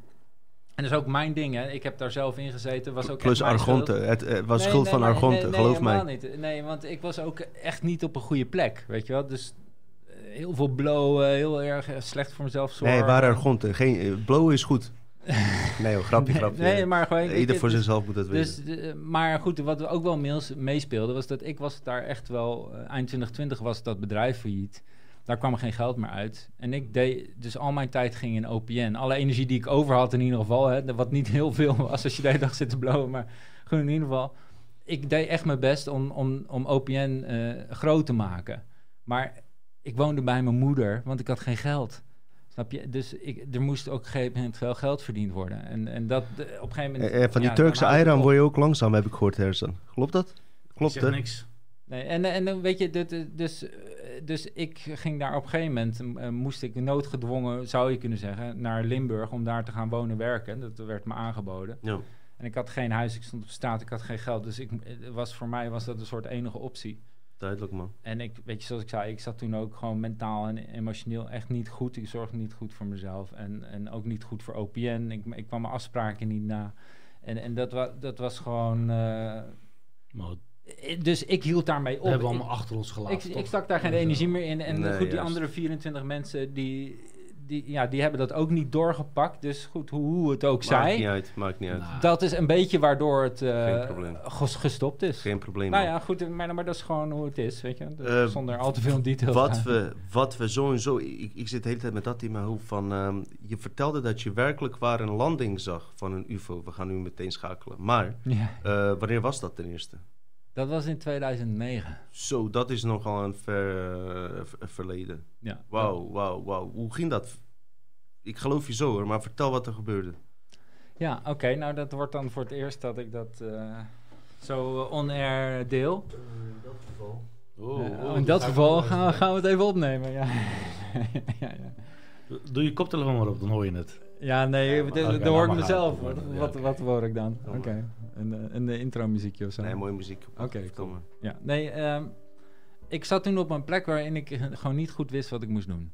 En ik was bij een vriend van mij in Emmen. En dan zaten we op zijn balkon een biertje te drinken. En eh, ten oosten daarvan heb je een dierentuin. En eh, goed, wij zaten gewoon op dat balkon bier te drinken en eh, te kijken. Het was al donker. En we zagen twee rode lichtjes. Ja, een soort rondjes draaien in de lucht. ja, ja. En omhoog en omlaag gaan op een manier waarvan wij dachten, wat de fuck is dat? Weet je? hoor je. Ik hoor je. En ik, eh, ik zei van, ja, dat zijn toch, want je hebt daar van die gasboortorens, weet je wel? Die Ja, hebben van, die, van die klopt. rode lampjes bovenop. Ik zei, ja, nee joh, dat zijn die torens. En hij zei, nee joh, kijk dan, ze gaan omhoog en omlaag. En... Dus wij, oké, weet je wat, we gaan er naartoe. we gaan kijken wat het is. Dus wij zijn dus in de auto gesprongen, daar naartoe gereden. En bij die dierentuin was een parkeerplaats, daar parkeerden we. En ehm, we stapten uit de auto. En er was zeg maar, bij de parkeerplaats was een, eh, was een eh, bosrandje, een klein, klein twee meter strookje bosjes. En daarna was een eh, grasveld. Ja. Dus wij stappen uit die auto. En eigenlijk op het moment dat wij uit die auto stapten, ehm, manifesteerde uit het niets, boven, boven dat grasveld, voep, een ufo. Oh. Uit één, gewoon classic ufo. Dus schijf, ronde schijf, zonder, gewoon uit één stuk staal, zeg maar, glimmend, geen geluid. Misschien een soort, weet je, een soort elektrostatisch-achtig gevoel, maar geen geluid. En eh, we stonden gewoon aan de grond genageld. En eh, het volgende wat gebeurde was dat dat ding zweefde boven de grond. Drie meter of zo. Dat ding zelf was misschien 15 meter breed, 5 meter hoog, zoiets. En uit het niets verscheen daar een man en een vrouw voor die UFO op het gras. Hele mooie, lange, slanke mensen. En ik zeg mensen, want dat is hoe ze er voor mij uitzagen. Maar wel echt lang en, en echt, zeg maar echt mooie mensen met een soort eh, duikpakken aan. Hele strakke, donkerblauwe pakken. Kosmische eh, Star Trek pakken. Het leek echt gewoon op zo'n, zo'n, zo'n, zo'n eh, zo'n wetsuit, zeg maar. Weet je wel? Mm. Zo'n strak duikpak. En dat, je, je zag hun contouren dus ook heel goed. Het was echt heel strak, zeg maar. En eh, ik, het enige wat ik kon denken was, wat, wat doen jullie hier? En ik dacht dat, hè. Ik zei dat niet. En ik kreeg in mijn hoofd antwoord van, we zijn hier om te vertellen dat je op de goede weg bent. En toen verdwenen ze weer. Wauw. En even later verdween die UFO ook weer. Gewoon voep, weg. Niet van opstijgen en wegvliegen of zo. Gewoon. Ja, heel veel mensen, als ze zoiets Dat horen, eh, is het meteen afschrijven van eh, hij lult fantasie, spoort niet dit en dat. Maar ik denk bij mezelf, ik heb eh normaal gesprek met jou voor deze tijd. Je, je bent goed bij zinnen en alles. Waarom zou je dit verzinnen nou, snap je? En ik, ik geloof niet iedereen zomaar of wat dan ook, maar waarom zou je dit verhaal wat jij vertelt, want er zijn miljoenen mensen die dit soort dingen meemaken. Mm. Waarom zijn ze voor al die tijd voor compleet gek verklaard? En nu zitten we gelukkig in een tijd dat het wel geaccepteerd wordt. Dus wat jij nu vertelt, Ja. ik denk dat eh, zo en zo 70, 80 procent van kijkers met je, jou begrijpt en jou gelooft en meevoelt. Misschien was het tien jaar geleden anders. Ik heb me heel lang druk over gemaakt. Ik wilde graag geloofd worden, maar nu maakt het me niet zoveel meer uit. Ik weet wat ik heb meegemaakt. En voor Mhm. mij was dat heel bijzonder. En voor mij was dat echt een, een, een, een steun in de rug om door te gaan met wat ik aan het doen was. Die informatie verspreiden. Want weet je, dit was 2009. Je was toen al dwangbuismateriaal als je yoga deed, bij wijze van spreken. Dus Ja. dat was toen echt je wel je nek uitsteken. En ik ben voor alles uitgemaakt. Je, je kunt zo gek niet verzinnen. Maar nu raakt het me niet zoveel meer. Maar toen had ik dat nog wel. En toen wilde ik ook heel graag geloofd worden. Ik heb dit ook tegen Sofie Hillebrand verteld. Hè. Eh, eh, En nee- wat zei zij dan? Nou ja, goed, weet je, zij... was Had ze een- eigenlijk wel een eigen mening of Het iets? is niet uitgezonden. Nee, Weet je, dus, precies. Dus dat is, dat is dan weer iets, dat is dan misschien te, te Ja. wild of te, wordt het te echt of zo. Ja. Weet je. Absurd. Aan, aan, aan mij wordt ook gevraagd of ik jouw verhaal geloof of niet. En ik, ik zit er anders in, ook eh, voor de kijkers ook. Ehm, wat jij me net vertelt en wat Dino vertelt. En ik zit er wat kritisch in altijd. Eh, maar ik luister bijvoorbeeld, als ik dan Dino neem, ik luister soms naar Dino precies hoe ik naar een mooie science fiction film kijk. Ik leef me helemaal erin in het moment dat dat echt werkelijk is. En daar kan ik gewoon van genieten zonder daar een oordeel over te hebben. Ja. Dus dan ook gelijk mijn antwoord en ook over jouw verhaal. En dat is voor mij een compliment trouwens. En als, eh, even op dit boek, geen marketing of wat dan ook. In dit boek staat ook, lees hem of als science fiction of als eh, reality. Wow, ik Ja. krijg helemaal Nou, Ik krijg nou je hebt hem niet gelezen. Ik, heb, ik weet maar, helemaal niks maar, maar de subtitel is toch versmelting van feit en fictie. Ja, dus, maar maar ik zeg het ook, zelfs voor mensen die hier geen reet van geloven, heb ik geprobeerd een mooi boek te schrijven. Dat ze denken van wow. Want, want, want weet je waar het om, ga- om gaat? Dit is zo interessant. En normaal kijk ik een science fiction film, vroeger Mm. hè, toen ik niet bewust was dan, ja, is een film. Maar nu is er een kans dat het ook we- wel eens echt zou kunnen bestaan. En dan wordt het veel spannender. En je zegt het zelf al, en terecht, er zijn miljoenen mensen die dit soort dingen hebben ervaren. Die niet eh, een of ander vaag lichtje hebben zien vliegen 20 kilometer ver, maar die echt landingen hebben meegemaakt, die, die buitenaardse wezens hebben, eh, hebben gezien, mee hebben gesproken. Mee hebben... Tegenwoordig kun je zelfs, als je dat wil, zelf eh, contact oproepen door CE5-protocollen van Stephen Greer. Ik weet niet of ja, je dat kent. daar wil ik zo heen. Ersan, ik heb even een idee, omdat ik echt moet plassen, hoognodig. Ik mag Ja, niet ja, mag even plassen. Ik Ja, mag niet roken van Ersan in de studio. En nou, ik heb respect voor Ersan, omdat hij zoveel heeft gedaan. Ja, hij heeft gezorgd voor we hebben HD-kwaliteit. Nog een, nog een half beeld te gaan, want ik, ik moet om tien uur weg. Kut, Serieus? sorry. Ja, ik moet echt... We zijn al een uur verder hoor. We zijn al een uur bezig. Oh, je- ik wist uur. niet dat je tien uur weg moest. ja, maar nee, maakt ik, niet eh, nee, Eh, ik moet nu in één keer weg. Dus, eh, als het maar ik wil dat niet is. vertellen waarom. Maar jullie kunnen doorgaan. Je kan ook zelf op stop, stop uitzending klikken. Ja. Het is heel simpel. Ja, dat eh kent komt ook wel. Oké, ehm, ik, ik moet echt even Ja, naar de wc. Ik heb, even, ik heb even een idee, eh, nu jij er nog even bent, dat ze misschien een aantal vragen tussendoor aan hem kunnen Er er stellen. is maar één vraag. Oké, Er is helemaal geen vraag. ik ehm, heb vijf, vijf keer misschien heb jij... eh, Ik heb wel leuke onderwerpen met deze meneer. Oké, hij staat op één, dan kunnen jullie zelf de camera switchen hier en hierheen. Ja, Oké. gaat dat helemaal goed. Gaat Ja hoor, helemaal goed. Mensen, waar zijn die vragen dan? Waar zijn die vragen? Hebben jullie, hebben jullie, hebben jullie mij ook niet gemist dan? Kom op. Ik Ja. heb jullie gemist. Helemaal gezellig. Vragen En Ersan. Ze, ja, Ze, ze hebben gewoon van de chat hebben ze gewoon een datingsite bijna gemaakt. Gewoon, het draait weer gewoon om lust. Nee. Om passie, om dat hebberigheid. Kan ik jou vragen om dat ding te bedienen? Twee ben jij Ja. en één ben ik. Dus doe maar naar twee. Ik heb een vraag voor jou. Vertel, ja, ik zet hem op één, want dat ben jij. Dat ben ik. Ja, oké. Ehm, iemand vroeg, wat denk jij over de actuele zaken, over wat er gebeurt in Hawaii nu? Ben je daar iets op de hoogte? Ja, Hawaii, oké. Dat, dat, dat, dat gaat om, eh, om de branden daar. Om de branden daar, ja.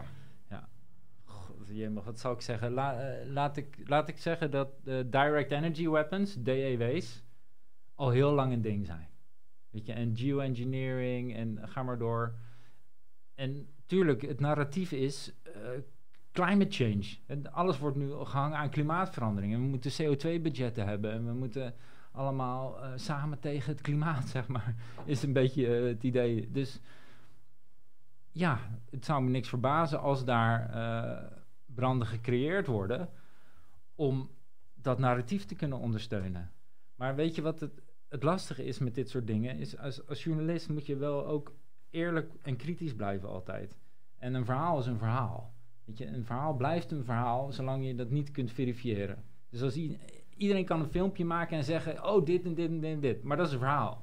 Pas als ik twee of drie andere mensen heb die precies hetzelfde vertellen, die ook bewijzen hebben, ja, dan wordt het pas een feit, snap je?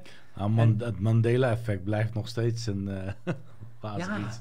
Er zijn genoeg mensen die geconnect zijn op dezelfde interconnect, maar alsnog... Dus ik vind het lastig. Ik zag bijvoorbeeld vandaag op WhatsApp, weet je, ik zit in allerlei van die groepen natuurlijk, zoals waarschijnlijk heel veel mensen, eh, een relaas voorbij komen over allemaal nieuwe feiten als het gaat om wat daar nu gebeurt. Ja. Maar dat waren allemaal verhalen. Elk zogenaamd feit wat daar genoemd werd, was niet onderbouwd. Er stond geen link of bron bij. Stond geen, het was gewoon tekst. ja, En dan denk ik, ja, het zou best kunnen, maar ik weet het niet. nee. Snap je? En dat is wel iets.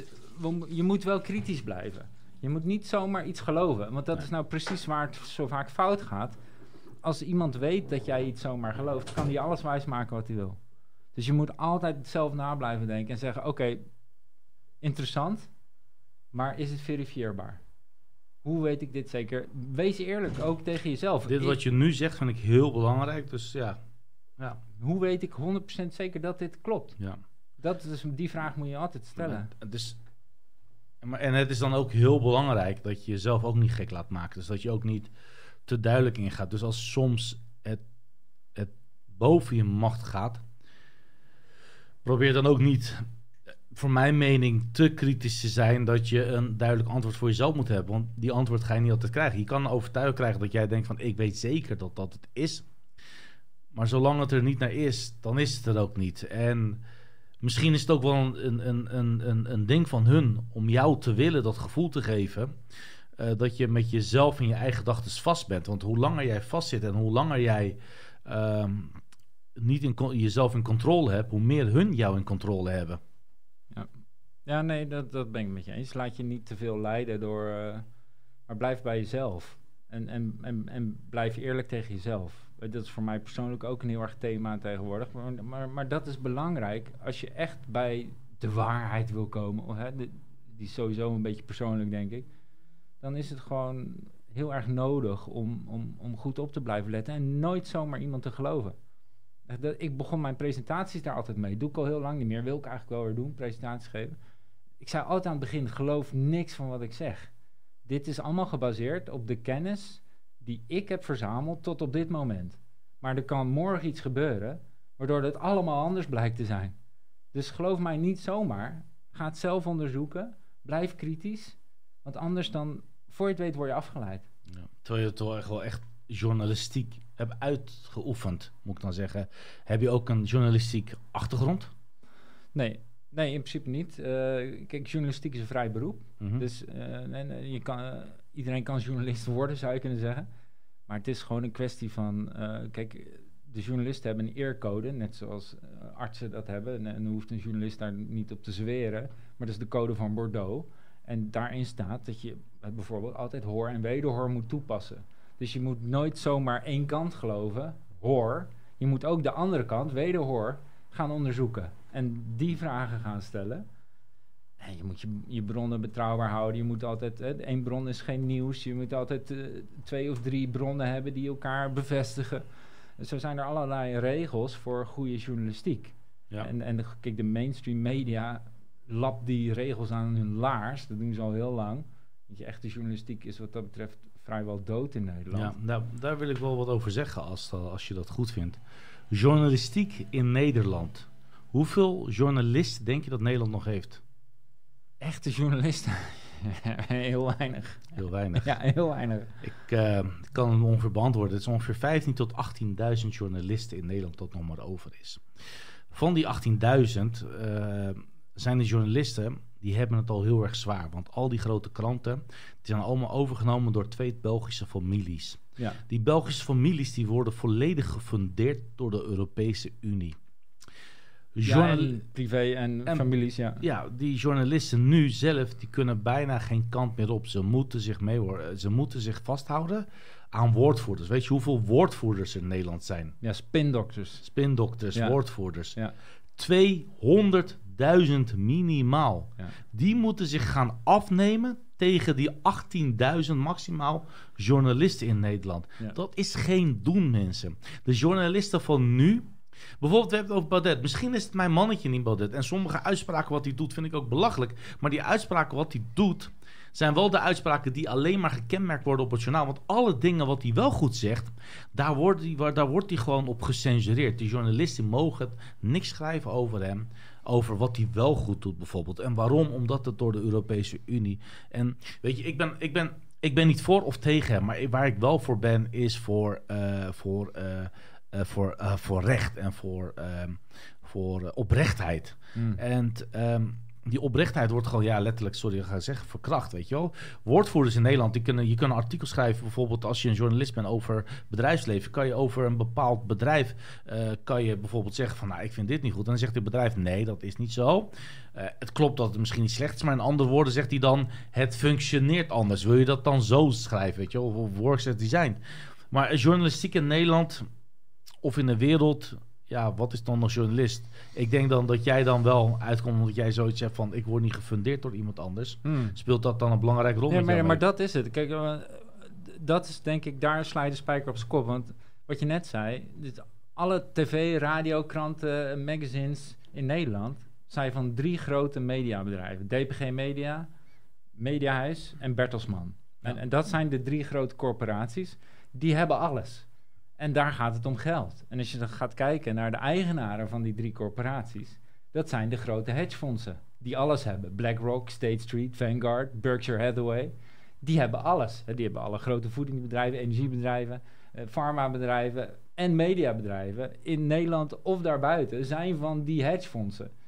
Die hebben alle aandelen van al die bedrijven. En die hebben elkaars aandelen. Dus, dus die hebben eigenlijk de hele wereld, als het gaat om de Ja, grote die bedrijven. laten beurzen vallen, die, laten hun. bedrijven vallen en omhoog gaan. Daar zorgen Ja. ze gewoon zelf voor. Die, die hebben zoveel geld, het gaat om duizenden triljarden. Eh, Of eh, sorry, duizenden miljarden, dus triljarden. Die, die kunnen gewoon spelen. Ja, wat, wat is geld nog? Met Wat is een- geld nog voor een die waarde? die het gaat hun om macht. Voor, voor hun, precies. Als je zoveel geld hebt, gaat het niet meer om geld. Dan gaat het om invloed, controle en macht. Bob Marley heeft ooit gezegd: Wat is geld? Geld is alleen maar cijfers. Als je goed denkt naar cijfers, cijfers houdt nooit op. Dus als, als geld is wat je geluk zoekt, dan betekent dat je nooit geluk zal vinden, want het wordt er altijd meer. Nee, precies. En, en dus, dus, dus je wil altijd follow the money. Hè? Dat is eigenlijk een, een heel, altijd een goed beginpunt als journalist. Follow the money. En als je gaat kijken naar de media, ook in Nederland, dan kom je dus uit bij die grote corporaties. Die hebben de touwtjes in handen. Die bepalen wat er wel en niet gezegd wordt. Er zijn nog maar heel weinig journalisten in de mainstream media die echt kunnen schrijven wat ze willen. En daarom vind ik deze podcast ook zo goed. Maar ben ik ook zo blij dat ik Oh, bij dankjewel. de dankjewel. andere krant Alleen werk. Dino of ook mij? Of een eh, Nee, Simon? nee, eh, gewoon nee. de, de opzet. Omdat Opzet, jullie, ja. zeg maar, jullie hebben geen zelfcensuur. Hè, Alles is bespreekbaar. En bij de andere krant, dat vind ik ook zo fijn. Wij kunnen daar ook schrijven wat we willen. Er is daar wel een beetje... Sommige onderwerpen worden gemeden. Hè, bijvoorbeeld door... eh, want er zijn strategische overwegingen ook. Hè, hoe, hoe krijg- nou, goed dat je daar eerlijk over bent. krijgen dat is belangrijk. Nou ja, weet je, het is natuurlijk als krant, eh, zo- zoals de andere krant, je wil het liefst de mensen bereiken die nog niet bewust zijn van wat er speelt. Dus dan is het niet handig als je meteen over satanistisch ritueel misbruik gaat, gaat op de voorpagina, snap je? Want dan ben je gewoon heel. Dus dat is een strategische overweging. Ik zelf ben heel blij met dit soort podcasts waarin, waarin dat geen ding is. Waarin wel alles gezegd kan worden. Maar dat is ook. Kijk, jullie hebben ook geen adverteerders en geen donateurs. En ook de andere krant doet niet aan adverteerders.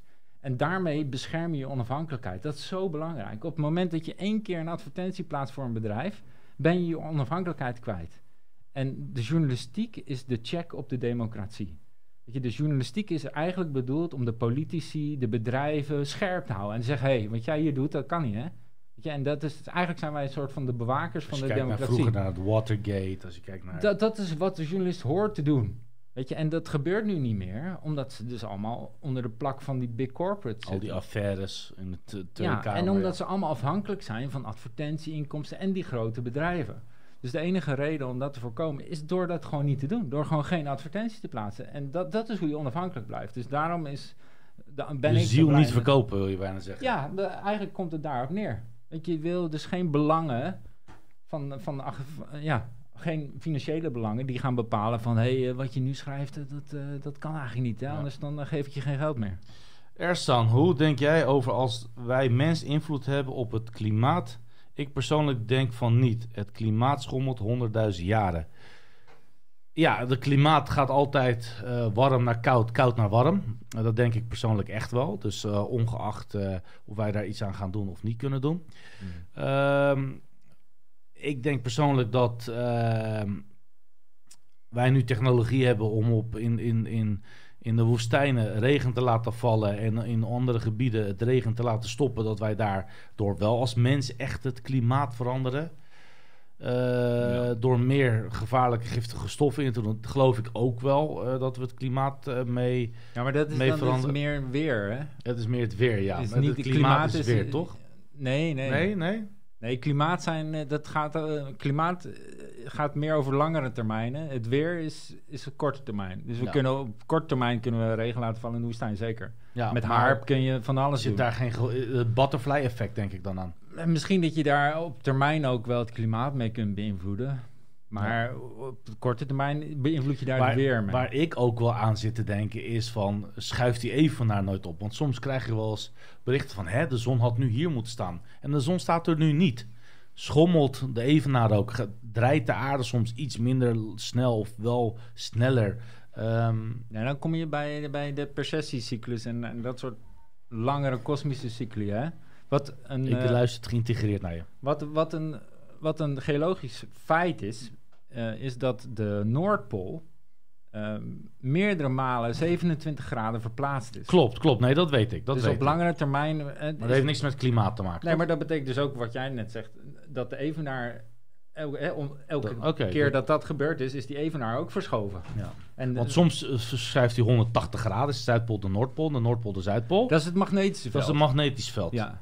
Maar puur de Noordpool zelf, zeg maar, de, de as, De as, ja. die is Ja, in want de, je in hebt, de je hebt historie... magnetisch Noord en je hebt topografisch Noord. Je, je- precies, geografisch. Ja. Geografisch ja, Noord. Ja. Ja. En, en die geografische Noordpool die is meerdere malen in de historie 27 graden verschoven. Zoals de Golf van Mexico was ooit de Noordpool.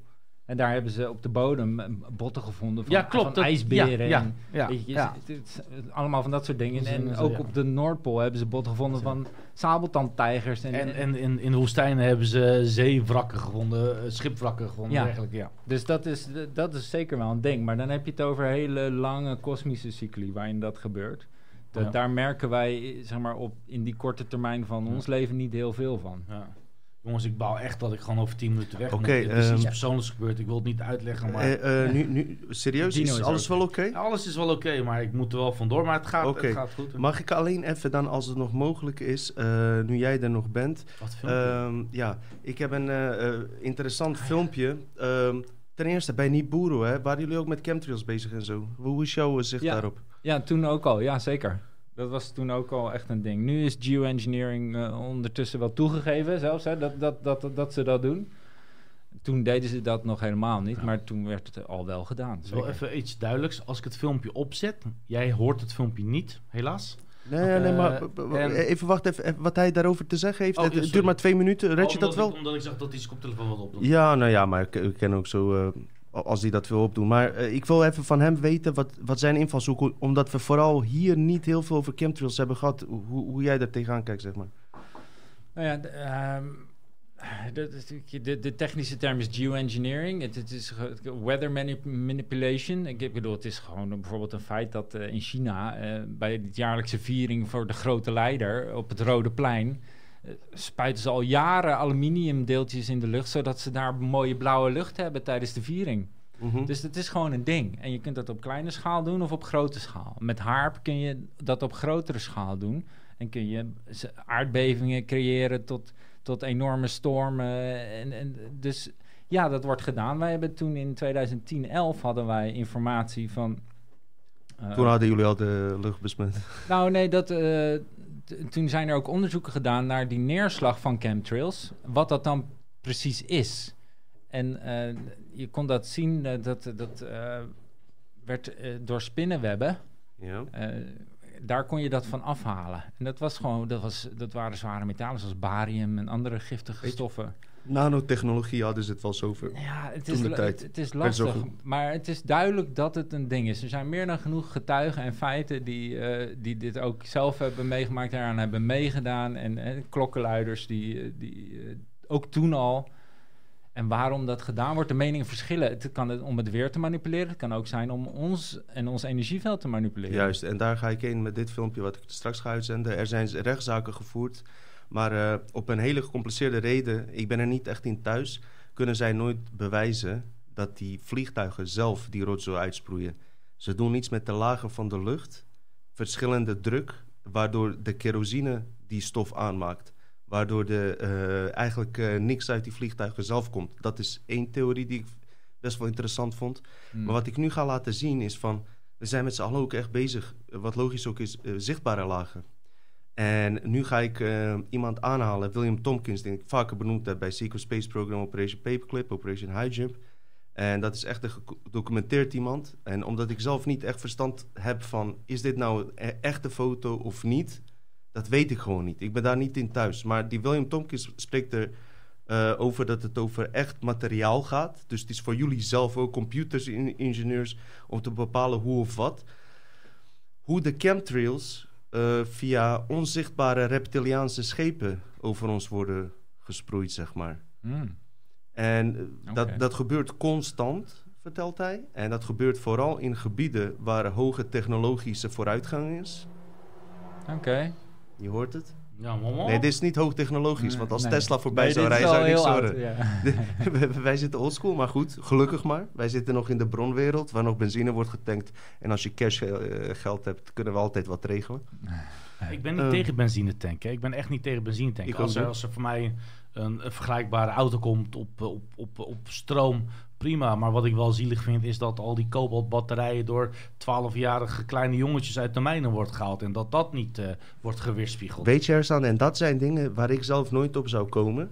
Als je het helemaal De- doorrekent, is benzine schoner dan eh, stroom. Ja, maar, maar, maar dat jij die kleine kinderen benoemt die dat moeten maken en zo, daar zou ik nooit op komen. En daarom ben ik blij dat jij hier bent. Ik ben ook blij dat jij er bent. En samen zalm. Nee, en die chemische shit die in die accubanken zit van die auto's, het is echt verschrikkelijke troep. Het is echt veel vervuilender dan benzine. Ja. 100%. Maar, Maar, chemtrails, door, Ja, door, dus, ja, eh, door draco's. Nu, nu- nu zie je dus eh, dat er twee, ehm, ik noem het even, twee onderzoeksvelden zijn. Geopolitieke laag, wat je ook net vertelt. Eh, we zien die strepen. Moeilijk Hmm. aan te tonen, zijn rechtszaken overgevoerd. Maar het gebeurt dus ook via onzichtbare velden. En dat legt William Tompkins uit. Eh, verder is het aan jezelf wat je daarvan vindt. En eh, ja, we- Ersan, laat het ge- gewoon ver, verdorie zien. We gaan nu. Oké. Back of it in color. Five separate gases coming out of this reptilian tanker, dropping five gases at 300 feet. You're smoking their gas today because they drop this gas only on technically advancing communities on the planet. Okay? Every four to six weeks. So you could be getting it today. Not one. One, two, three, four, five, six. They didn't see it because everybody's minds are controlled to not see it, just like a stealth system. So the commander of this squadron made sure that that stealth was turned on. He forgot to turn on the stealth that prevents the camera from photographing it. The reason you don't see these, they're flying all over us. There's hundreds of them, there's thousands of them every single day on your planet. They're dropping the gas. So your mind is being controlled, and you don't function normally or, or how you should function. We are being mind controlled, uh, not for the last couple of weeks, but for thousands of years.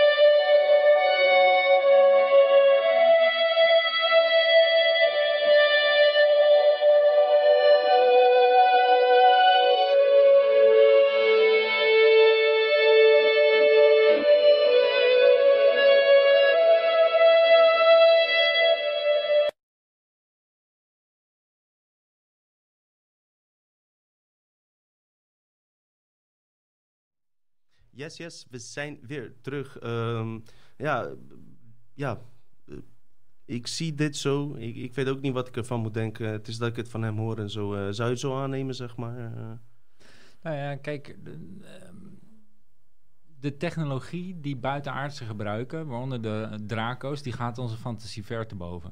Het dus die, ja, die hebben technologie waarmee ze hun schepen onzichtbaar kunnen maken. En eh, ja, die hebben, ze spelen ook een grote rol in, in het controle grid op deze planeet. Weet je, en, en, en hebben met deals met, met, de, met de cult en de kabal gemaakt, al Ja, heel eh, lang geleden. Hè, voor- Zie je daar wat in? ja, eh, Jazeker, dat, dat, er zijn meer dan genoeg getuigen. En het zijn geen gekke mensen. Het zijn generaals en majoors en, en serieuze gasten. Die zeggen, ja, wij hebben al 80 jaar deals met die buitenaardse in ruil voor basissen. Eh, technologie in ruil voor basissen. Technologie in ruil voor eh, onderzoek op mensen. Juist. Eh, ga maar door. En die, die, die spelen ook een rol, die rassen, in, in, in de geopolitiek hier. En Mhm. dat is de laag die je nooit ziet. Dat zijn de mensen achter de schermen. Mensen tussen haakjes, de wezens achter de schermen. Ja, die hebben zeker technologie waar je u tegen zegt. Eh, even, even groet aan Ersan. Bedankt voor alles, man. En, bedankt. eh, ja, hey, maar zo erg aan Uitzending stoppen, daar staat het. ja, ja, zo weten Het we. spijt me jongens. Geen probleem, we, we hebben contact. We, we hebben contact, vriend. Ja, man. Ja, man. Ja, dit is, weet je, eh, ja, dit is een ding. En kijk, ehm,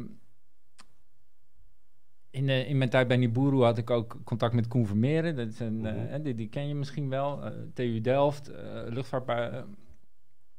Maar er zijn ook andere eh, luchtvaartexperts die zeggen: luister, een, een contrail, een condenstrail van een vliegtuig, die is gewoon binnen 1 tot 2 minuten weg. Mhm. Alles wat langer blijft hangen is geen contrail. Dus dat is iets anders. Een chemtrail of whatever.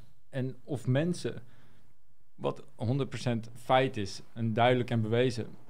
Of andere wezens die neerhangen, daar kun je over twisten. Maar dat het een ding is, dat is, dat is gewoon een feit. En ja, weet je, die, die buitenaardse... Weet je, als jij hier vanuit een andere ster hierheen kunt komen... dan heb je technologie. dat, weet je, dat gaat ons pet gewoon Tussendoor ver applaus voor Ersan. Applaus voor Ersan. Ik Ja. weet niet wat er nu aan de hand is, maar we hebben het over... Hij, is, eh, hij heeft echt goede dingen gedaan. Jammer. We wensen hem alle beste. Kom goed. Eh, ja, die chemtrails. Eh, er wordt verteld dat blijkbaar die chemtrails ons ook soort van in deze staat van controle houden, zeg maar. Eh, door die Hmm. stoffen die eruit komen. Morgellen zijn eraan verbonden. Ik, ik, heb er ook niet heel veel verstand, heel veel daarin in verdiept en alles. Maar eh, ja, ik, ik zie wel dat eh, als ik de mensheid eh, zie van nu... en als ik een oude video, ik heb het vaker gezegd hoor... van 30, 40 jaar geleden zie van Nederland... Hmm. dat ik veel meer eh, mensen zie die betrokken zijn bij alles, zeg maar. Ja. Ja, nee, goed, dat zie ik ook, gelukkig. Weet je, de, mag ik wel zeggen, hè, er worden, er worden steeds meer mensen bewust van wat er speelt. Om nog even terug te komen op die chemtrails. Kijk, wij zijn elektromagnetische wezens, hè? Ja. Dit- net zoals alles, het, het is, het is allemaal interferentie tussen elektromagnetische velden. En ja, als jij dan eh, zware metaaldeeltjes gaat sproeien, dan kun je dat beïnvloeden.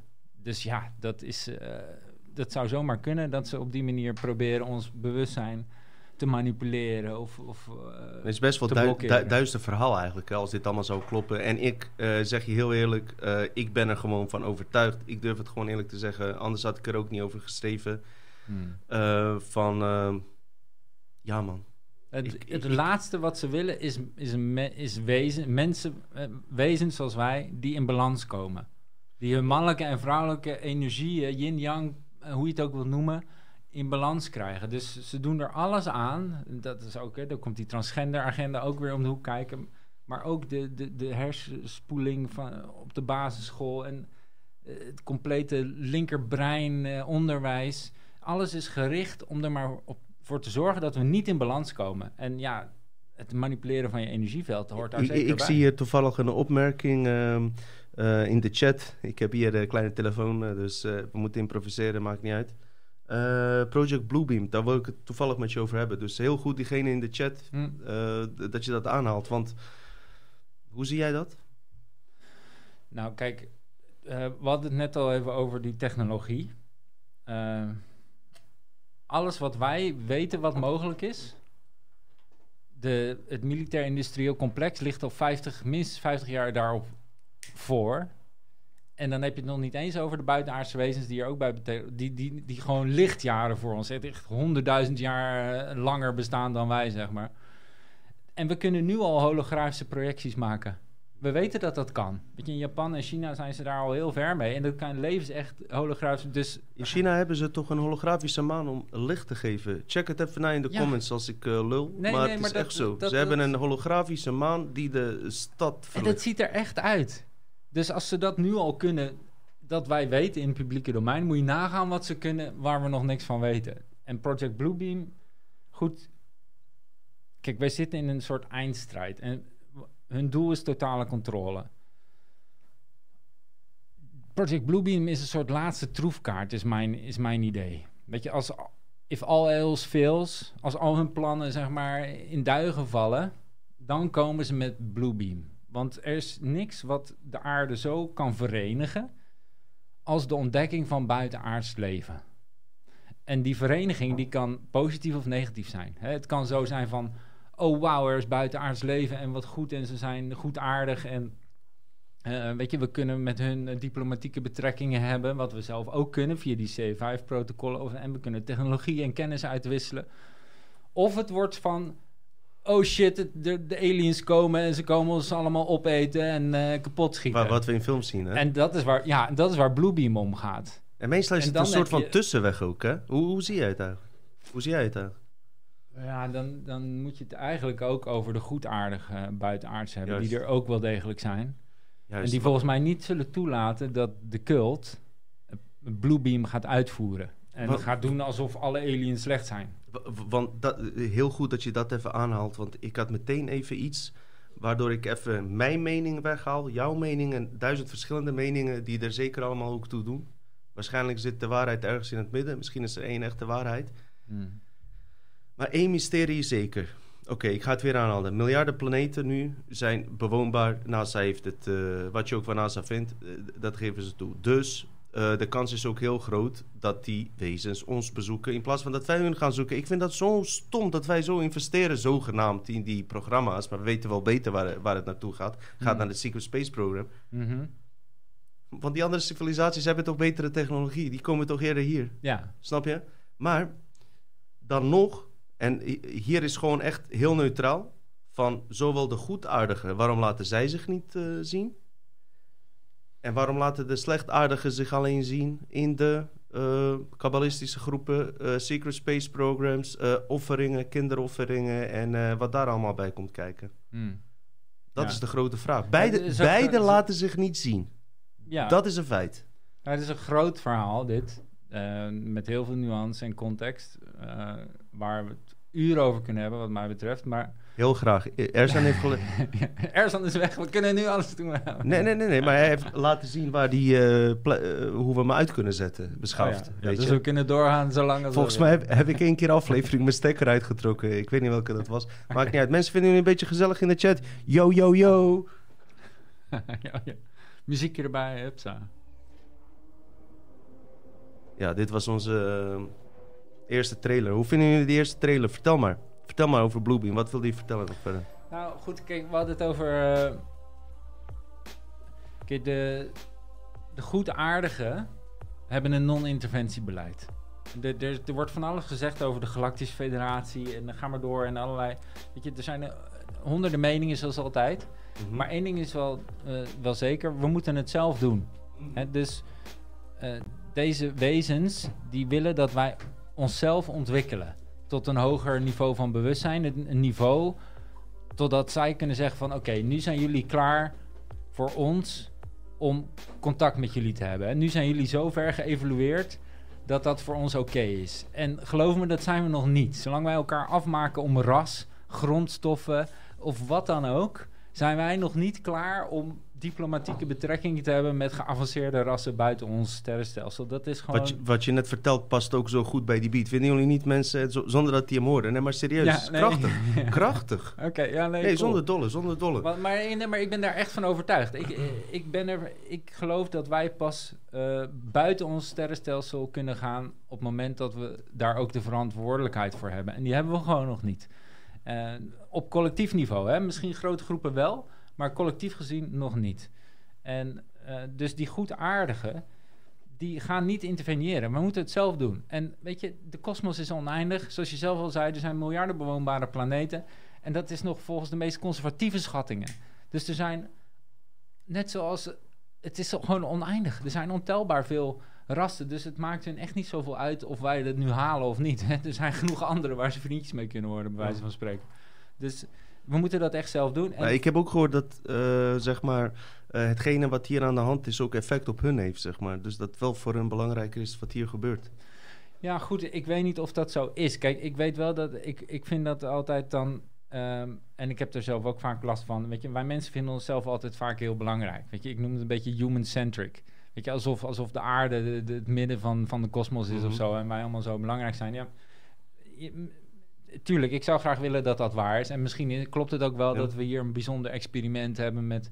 eh, wat ik wel weet is dat wij mensen in staat zijn eh, wij hebben een enorme emotionele range. Dus wij kunnen diepe haat en diepe liefde ervaren. En alles ertussenin. En daarmee zend je frequenties uit die ook creëren. En dat is wel iets eh, wat niet veel rassen hebben. Bijvoorbeeld de Greys of zo, die, die hebben bijna geen emoties. Weet je, die, die, die, eh, weet je, dus het is wel wat je uitzendt, krijg je terug. Dus wat, op dat vlak zijn we zeker wel boeiend. Ja.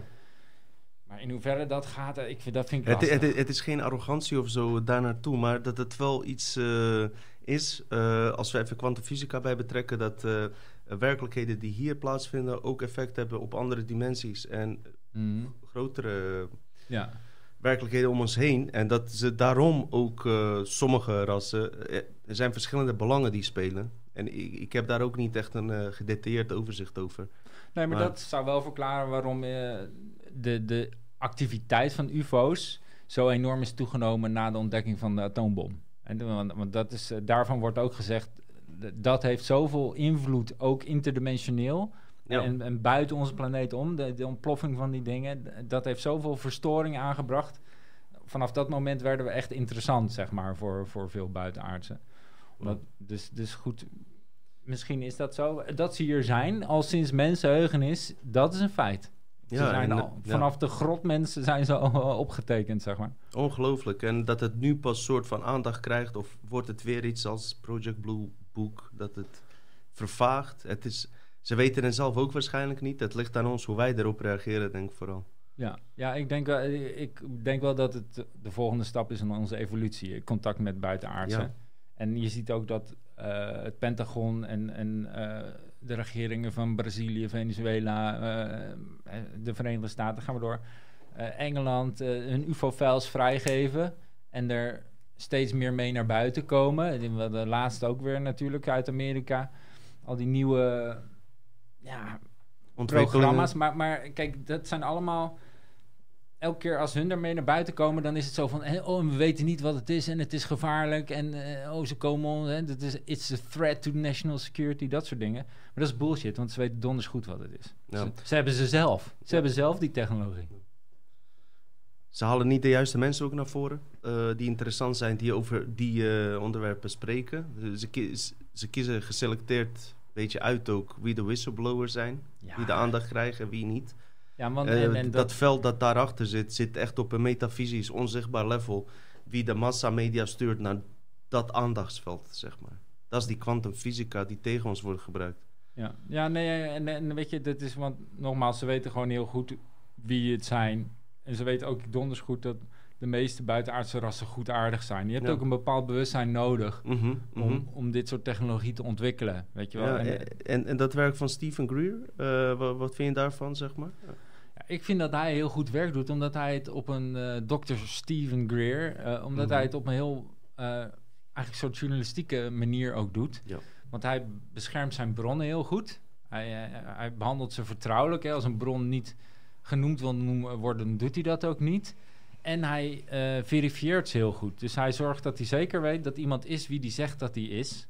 En hij heeft gewoon heel geloofwaardige mensen. Luchtverkeersleiders, piloten, majoors, generaals.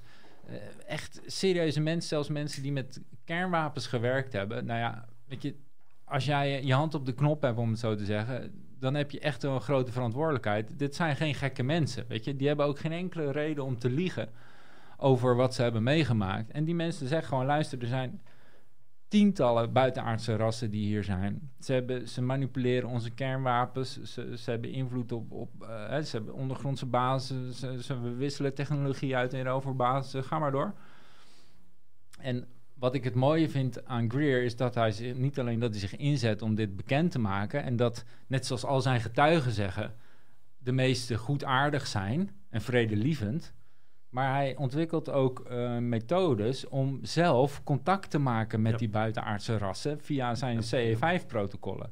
En ik heb dat wel eens ge- geprobeerd, maar niet met succes. Ik is heel, heel semier in mijn eentje, weet je wel. En ik heb die app gedownload ervoor, et cetera. Maar de manier waarop hij zegt dat je dat moet doen, is wel heel eh, praktisch en heel goed. En dat is dus, het is, CE5 staat voor Close Encounter of the Fifth Kind. Hè, en je hebt eh 1 tot en met 4, eh, CE 1 tot en met 4, zeg maar, eh, van het zien van een UFO totdat je wordt meegenomen door buitenaardse eh, in hun ruimteschip, et cetera. Dat is dan CE 4. Eh, Maar dat is allemaal- Welke is als je mishandeld wordt? dat is ook 4. Oh, Oké, ja. oké. Maar dat is dan dat is uitzonderlijk. Eh, meestal gebeurt dat niet, hè, want dat zijn, de, dat zijn de kwaadaardigen. En er zijn er niet zo heel veel van. Maar dat is allemaal van- door de aliens geïnitieerd contact. De CE5 is human initiated, dus door mensen zelf. En dat is wel heel boeiend als je dat is wel opzoeken, moet je gewoon CE-5 een keer intypen. En dan. eh, want wat het eigenlijk is, is je gaat met een groep mensen de natuur in, s'avonds. En dan eh, ga je zorgen dat je in een goede flow komt. Je gaat mediteren, je hebt allerlei protocollen ervoor. Maar hij heeft ook een, een specifieke meditatie, dat noemt hij CTS. Coherent Thought Sequencing. Dus coherente gedachtensequentie, zeg maar. Ehm, en dat is een specifieke meditatietechniek waarmee je zeg maar met de groep ehm, in je gedachten uitzoomt van de plek waar je bent op dat moment. Dus zeg nu Leiderdorp. En dan zoom je uit naar, de, naar het stadje Leiderdorp. En dan zoom je uit naar de provincie Zuid-Holland. Zoom je uit naar Nederland. Zoom je uit naar Europa. Zoom je uit naar de aarde. Dan zoom je uit naar de zon. Dan gaan we door, et cetera. Totdat je voelt, hè, contact krijgt met iets. En op het moment dat je dat voelt, dan ga je weer terug. Dus dan ga je vanaf die plek waar je dan bent, dan ga je weer Oh. terug naar de zon, naar de aarde. En dat noemt hij CTS.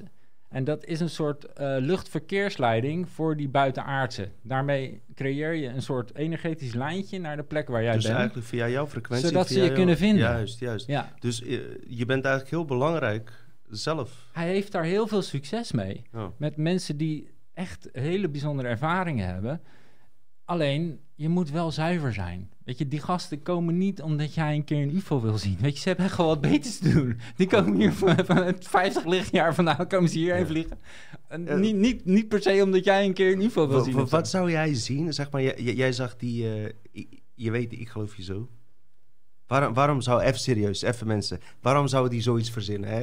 Jongen vertelt gewoon. ehm, normaal, eh, hij is goed bij zijn hoofd. En dan vertelt hij over een UFO-landing. Waarom zou je zoiets verzinnen? Wil ik alleen zeggen. Maar stel je voor dat het. eh, eh, encounter of the fifth kind was, fysiek contact, wat is het eerste? Hoe zou jij reageren? Wacht, je moet echt, echt een geluid onder. Oké, ja. Nee, dit is niks. Oké, oké. Vertel. Het- zo- Zoals ik zei de eerste keer, dus ik stond aan de grond genageld. Ik was echt verbijsterd, ik kon, ik kon niks doen. Ik, misschien dat het de volgende keer anders zou zijn. Eh, en dat ik daar wat meer... Het is nu ook... eh, We zijn alweer 14 jaar verder. eh, eh, ik ben een stuk rustiger eh, eh, geworden zelf. Misschien dat ik eh, daar nu heel anders mee om zou gaan. Maar kijk, het idee van die CE5's is dat wij vreedzame diplomatieke betrekkingen gaan eh, maken Met met, die goedaardige buitenaardse rassen. En dat kunnen wij op individueel niveau. Ze gaan zich niet laten zien eh, op bij het Witte Huis, bij wijze van spreken. Hebben Eh, ze ook gedaan misschien wel. hè? eh, Om andere 1952, redenen. klopt. Oh ja, Sorry. Sorry mensen voor de camera switch. Nee, nee, maar dat klopt. 19, eh, hebben ze dat gedaan. Ehm, maar dat is zeg maar... Weet je, als mensheid moeten wij daar klaar voor zijn. We hadden het er net over. Weet je, als wij als collectief nog geen hoog genoeg bewustzijn hebben... en elkaar nog steeds afmaken om ras of grondstoffen... dan is het niet interessant voor hun om op wereldwijd niveau diplomatieke betrekking met ons te hebben. We zijn nog gewoon te... te we, zijn, we zijn nog te gewelddadig. Klaar, we zijn er gewoon nog niet, nog niet ver genoeg voor. Maar op individueel niveau zijn ze er heel graag. En vinden ze ons heel interessant en willen ze graag met ons praten en van ons leren. Want zij snappen dat je van iedereen kunt leren. Ik kan van jou leren, jij kan van mij leren. Als je maar Zeker. open staat voor elkaar Zeker. en die uitwisseling gaande houdt, dan is dat altijd een mogelijkheid. En, eh, en dus komen ze graag, maar alleen als je zuivere intenties hebt. Als jij echt van hun wilt leren en open staat, dat zij van jou kunnen leren en die uitwisseling aan wil gaan. Want ze komen nogmaals echt niet omdat jij een keer een UFO wil zien. Weet je, dit, want het is voor hen ook gevaarlijk. Hè? Als zij zich laten zien in 3D, als zij zich manifesteren in 3D, ze kunnen uit de lucht geschoten worden door de cult. Met de Keller-satellieten of de andere scalaire golvenwapens die er zijn. De directed energy weapons, waar je niet alleen... eh, je, je hebt daar simpele versies van waarmee je een bosbrand eh, kunt creëren. Zo, je die hebt bosbranden. geavanceerde Moeten we ook even op terugkomen. versies. hoor. Hadden we het met Ersan over toen jij eh, even naar de wc was. Oké, ik Ja. kijk het wel terug. Om jullie niet te ja, vermoeien. nee, maar goed. Vinden jullie het een beetje leuk? Heeft het nog zin, een beetje, jongens? Oh, te- steeds meer kijkers. Wauw. ik hou van jullie echt, waar je echt tof publiek. Die, echt geweldig, geweldig. Ja, leuk, mooi. Ja, ik, ben echt blij met het publiek, hè. Nee, maar dus, weet je, ook geavanceerdere versies die scalaire golven gebruiken. En dan heb je bijvoorbeeld de Keller-satellieten. Die hangen gewoon om de aarde heen. En die zijn een serieuze dreiging voor, voor die goedaardige buitenaardse. Je zou je zeggen, ja, maar ze zijn toch zo geavanceerd, et cetera. Maar een scalaire golf is net zo snel als het licht. Wat is eigenlijk een scalaire go- golf? Ik zeg je eerlijk, Oh, ik weet het niet. Nou, kijk, dat is. eh, je hebt longitudinale golven. Ja, dat zijn dus zeg maar normale energiegolven, zoals weet ik veel, een radiogolf of elektriciteit. Of. Mhm. En je hebt eh, transversale golven. Dus een scalaire golf is transversaal. Dus een, een, een longitudinale golf die gaat zo, even zo voor de mensen. En een transversale golf die gaat zo. Dus die beweegt op een heel andere manier. Mm, Veel sneller. Hoe komt dat? En als je dat focust, dan eh, dat zou je aan Nikola Tesla moeten vragen. Als je even een keer in meditatie gaat en eh, contact met hem maakt, dan. eh, Ik ken eh, dezelfde taal, hè. Ik rij elke keer langs het dorpje. Heb ik al vaker verteld, maar... nee, dit, dit, en, maar dat zijn, dit zijn sneller dan het lichtwapens. Dus de, de mikken wordt dan heel, heel simpel. Quantumwapen of zo. Ja, nee, en, en nee. Nee. Nee, maar het, dus dat is gewoon, weet je, wij hebben ook de menselijke kant van de cult heeft gewoon ver geavanceerde technologie. Die ze hebben gereld onder andere met, met de Draco's en anderen. Juist. Oh, ik, ik wilde daar net ook op terugkomen. Om, om even dat eh, Disclosure Project eh, met jou door te nemen. Ze hebben natuurlijk een mainstream disclosure. eh, wat komt. Kan Project Bluebeam zijn. Ze zullen een disclosure hebben voor ons. Ontwaakte mensen die wat weten. Die denken dat het gevaarlijke aliens zijn. Mm. En waarschijnlijk nog drie, vier verschillende Project Bluebeams. Op, op, op verschillende levels zouden naar voren kunnen komen. Ja. Ja, denk ik ook wel hoor. Want dit, dit is, kijk, deze mensen zijn niet gek en ze hebben zoveel middelen. Dus ze hebben, ze hebben een plan A tot en met Z. Weet je, ze hebben overal contingency plannen voor. Weet je, dus het is niet alsof ze maar één plan hebben. Ze zijn op van alles voorbereid. Ja, dus dit, ze hebben zich al zo lang voorbereid hierop. Ze gaan gewoon daarmee door. En dat is, eh, ja, wat dat betreft, zijn deze mensen heel goed in staat om aan te passen naar veranderende omstandigheden. Zij weten in wat voor tijd wij zitten. Ze weten dat, dat het nu gaat om balans en, en, eh, en om die. hè, de- we komen uit een Zijn tijd. jullie weer? Er komt weer een ambulance eh, langs. Kunnen we even samen bekijken? Nou, maakt niet uit. Ja, nee, maar eh, ik, denk, ik denk dat ze zelf ook wel een beetje vrezen ook. Hè? Dat de, de voorgeschotelde toekomst, die, dat, die kabal, zelfs die militair kabal... waar ik af en toe over spreek en andere, veel andere mensen ook... eh, dat, dat ze teleurgesteld zijn. Dat hun beloftes niet na zijn gekomen. Dus wij hebben beloftes die ons niet na zijn gekomen. Deze generatie die denkt van fuck, onze ouders hadden het veel beter. Ja, ik ga even terug naar de basis. Mijn vader hoefde te werken. Wij konden vier weken eh, op vakantie gegaan. Hmm. Met sociale dienst. Nee, een grapje. Mijn vader werkt altijd. Maar nee, serieus. Daarom kan ik die grap maken, anders had ik hem niet gemaakt. Maar zelfs mensen met sociale dienst gingen zes weken op vakantie. Eh doorsnee Nederlander, vier weken naar Spanje. Was dat niet geweldig? Was normaal. Hmm. Hoeft hier niet rijk voor te zijn. Hm. Nu moet je blij zijn als je twee weken weg kan. Met je fucking tiny house. Ja, nee, ik, eh, ik ben oh man, ik ben gelukkig dan eh, laatst eh, wel op vakantie geweest, maar dat was de eerste keer in eh, drie jaar. Dus eh, nee, wat dat betreft, eh, alles is heel duur geworden. Dat ben ik zeker met je eens. Ik zit alleen even te denken, hoe kwamen we hierop, hè? Ik wilde even schakelen naar... eh, er is wel wat fucking aan de hand. En dan de vraag is, waar komt het vandaan, weet je wel? Het wordt uit verschillende lagen ge- geduwd. Snap je? Want diegenen die ons eh, deze perceptie voorschotelen... als goed is ben ik nou in beeld... die denken ook vaak dat ze het goede doen. Ja, Dat, dat is het enge ervan. Ze, ze zien niet datgene wat wij zien. En dat is niet uit hoogmoed. Ik heb het over de kijkers. Ieder, iedereen die het ziet. Al ziend oog, hoe je het ook wil noemen. Ze dus- zien het gewoon niet. Er zijn natuurlijk maar weinig, eh, zeg maar als het gaat om, om, om die groep mensen die, die controle wil. 2222. Ook Nu. daar, Tijdstip. Kijk maar op je klok. nice. 2222. Ook daar zijn er maar heel Wil weinig je nog meer synchro's? die echt weten wat, er, wat het spel is. Snap je? De, alleen de toppen van de piramides weten de echte agenda. Mhm. Dus dat is, de meeste mensen zijn gewoon goed en die proberen gewoon iets goeds te doen. Eh, eh, Inderdaad. En zelfs die kabbalisten zitten ook nog steeds in een val. Die ook weten van die eh, vals licht, argontische vallagen en alles. Hmm. Ik geloof dat zelfs zij nog op laatste moment toch in een omleiding worden geplaatst. Van niet naar jezelf zoeken, maar buitenaf. Weet je wel. Eh, hoe zie je dat eh, concept, zeg maar? eh, dat alles buiten jou af eigenlijk een projectie is die er mag zijn. Maar waar je niet op per se toe hoeft te vertrouwen dat dat bij jou hoort van jouw oorsprong. Met het tegenlicht, zeg maar, innerlijk tegenlicht, dat, je, dat je naar binnen gaat, zeg maar. Ik begrijp niet helemaal wat je bedoelt, maar... Eh, je, je hebt projectie buiten jou, ja. Matrix, en binnen de echte realiteit. Dat verschil. Hoe ervaar je dat? Mm, ik denk dat. eh, ik denk dat wij met z'n allen als collectief onze realiteit creëren. Er wordt vaak gezegd van eh, wat je uitzendt krijg je terug. En eh, dit, wij, je creëert je eigen realiteit. Maar Mhm. dat vind ik iets te kort door de bocht. Ik denk dat we dat allemaal tegelijk doen. En dus op dit moment met 7,5 miljard mensen zijn wij shit aan het uitzenden. Maar niet alleen de mensen. Weet je, wat dieren hebben ook een energieveld. Die zenden ook shit uit. Juist. Weet je, en allemaal zenden we dingen uit. En de, het collectief daarvan, de combinatie van al die frequenties, is wat we uiteindelijk terugkrijgen als realiteit.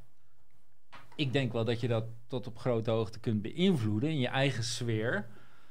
Door inderdaad naar binnen te gaan en in je innerlijk landschap zuiverder te worden.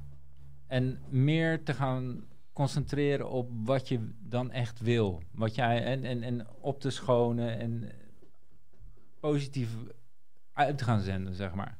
Ik heb een goede vraag binnengekregen net. Wauw, deze vraag is goed. Als ik niet eh, vier wodka op had, had ik nooit hierop gekomen. maar het is een hele mooie filosofische vraag. Dat is absurd ervan. Hmm. En eigenlijk het trieste ervan.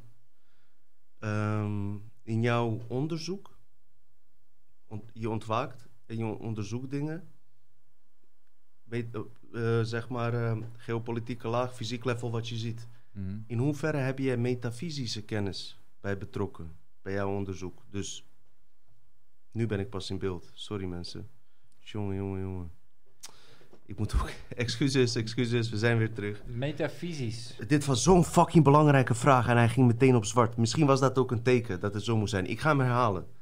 In jouw onderzoek, zeg maar, van wat je net hebt verteld, hè? eh, 9-11, dat zie je om je heen gebeuren. Mhm. Op een gegeven moment groei je door en ontdek je ook dat er een metafysische werkelijkheid is, onzichtbare re- eh, werkelijkheid, Mhm. waar ook informatie uit valt te halen door onder andere channelings, Mhm. hypnosetherapeuten die informatie winnen. Mhm, ja, Waarom maar- haal ik dat erbij? Omdat daar wel eens kwantumfysische aspecten naar voren komen die de tijd ver vooruit zijn van wat wij hier weten.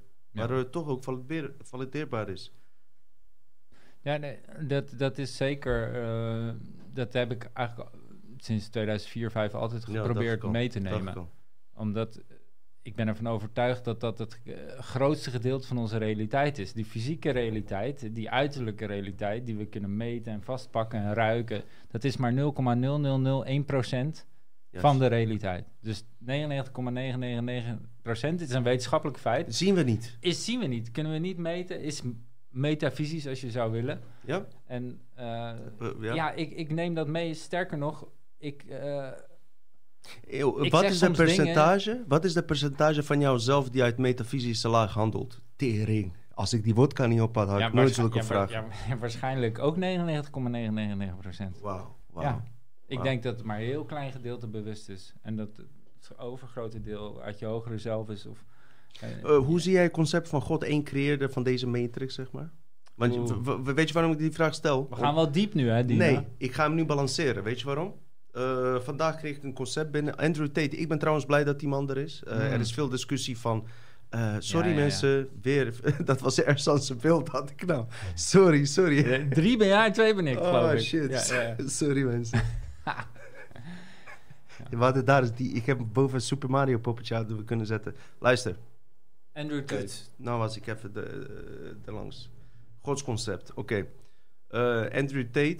Ik ben, eh, nogmaals, even herhalen als mensen het niet gehoord hebben, omdat ze verkeerde beeld zagen. Het is niet logisch, maar...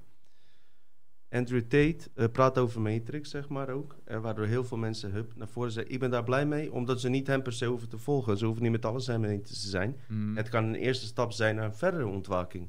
ja. Ik bedoel, ik ben ook door... heel veel volgers, dus ja. Ja, maar hoor dit. Eh, Alex Jones heeft ook dingen gezegd waarvan je denkt van, oh fuck, dit zou ik zelf nooit zeggen. en toch is hij een onderdeel van mijn ontwakingsproces in een vroege Ja, periode. was hij ook van mij, man. Infowars.com. Ja, joh. Toch? Zo, echt wel. Die tijd was goed, hè, broeder? Ja, zeker. Ja, man. Alex Ja, ja. Jones hoorde zeker bij de baanbrekers, man. Ja, Ja, ja. echt wel. Maar ik heb hem ook, al, eh, wa- was hij dronken, had hij niet vier vodka op, maar misschien een hele fucking fles in zijn eentje. Hoorde ik hem ook dingen zeggen dat ik dacht van, wow, je spoort niet. Ja. Maar Ja. dat betekent niet dat ik alles moet volgen wat hij zegt. Nee, maar ik heb ook dingen gezegd waarvan mensen zeggen... wow, die sport niet, weet je. En, en Anton Teuben van bij Nibouru, die zei ook zo vaak dingen... waarvan je dacht, van, die, die gast sport niet. Maar dat neemt niet weg dat hij wel ook heel veel goede dingen gedaan heeft. En datzelfde Juist. geldt misschien voor Andrew Tate ook. Ja, maar ik wil het niet over Andrew Tate hebben. We hebben het al vijf, vijf maanden over die gast gehad. Eventjes Oké. tussendoor. Ja. Ik wil geen thema maken. Maar er komt een belangrijk ding nu.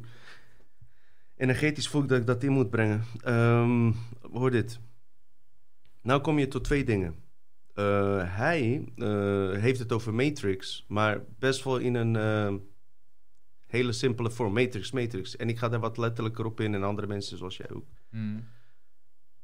Maar er is, als je Matrix iets letterlijker neemt, is er een heel belangrijk aspect, zoals er hele vele zijn, is van dat in die Matrix uiteindelijk de God die in eerste instantie wordt gepresenteerd, niet de werkelijke God is, maar ook een programma, AI-programma. Mm. En daarom stel ik jou die vraag: hoe zie jij God? Jezus, hier moet echt een nieuw geluidje onder doen.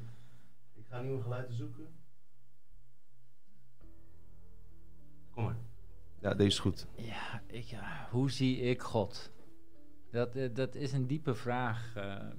laat ik allereerst zeggen dat ik heb geen idee hoe het werkelijk zit. En ik denk dat iedereen die pretendeert te weten hoe het zit met God, uit zijn nek lult. Want je volgens mij heb je geen idee. En ik denk, misschien is het ook niet de bedoeling dat we het weten. Maar ik weet wel dat veel uh, buitenaardse rassen over creator spreken. Over een kracht, wat ook wel source genoemd wordt, de bron, die uh, dit gecreëerd zou hebben en zichzelf heeft opgesplitst in oneindig veel deeltjes, wat zielen genoemd worden. En dat het de bedoeling is dat die deeltjes van de bron, zielen, al het mogelijke gaan ervaren in de realiteit. In duizenden en duizenden levens. Om uiteindelijk zoveel kennis te vergaren dat ze zo gegroeid zijn. dat ze in staat zijn om hun eigen kosmos te creëren. Mm. En dat Een soort is, eh, leerproces. dat is de, eigenlijk dat is de cyclus. Oké. Dus het is zeg maar een. een, een Eh, heb je daar, vrede, kijk, heb je daar moet- vrede mee? maar Wat vind je van dat nou, idee? ik- Zou je ik- daar vrede mee hebben? Jawel, maar ik moet dan altijd denken aan het einde van Men in Black 1. Die film met Will Smith, weet je, Mhm. old school Men in Black. Want die eindigt met zeg maar. Er wordt uitgezoomd eh, vanaf de aarde, weet je. En dan blijkt dan dat de hele kosmos is een knikker. In een zak met knikkers. En een of andere grote alien met een lange nek. die zit met, met die knikkers te spelen. Met allemaal kosmossen. Een kosmie. Dus, dus weet je, ja, ik heb geen idee hoe dat nou echt zit, snap je? Want Mm. als je gaat nadenken over wat is God en wat heeft de kosmos gecreëerd, dan denk ik altijd, het is eigenlijk de vraag der vragen, van ja, dat is leuk, maar waar is die kosmos dan?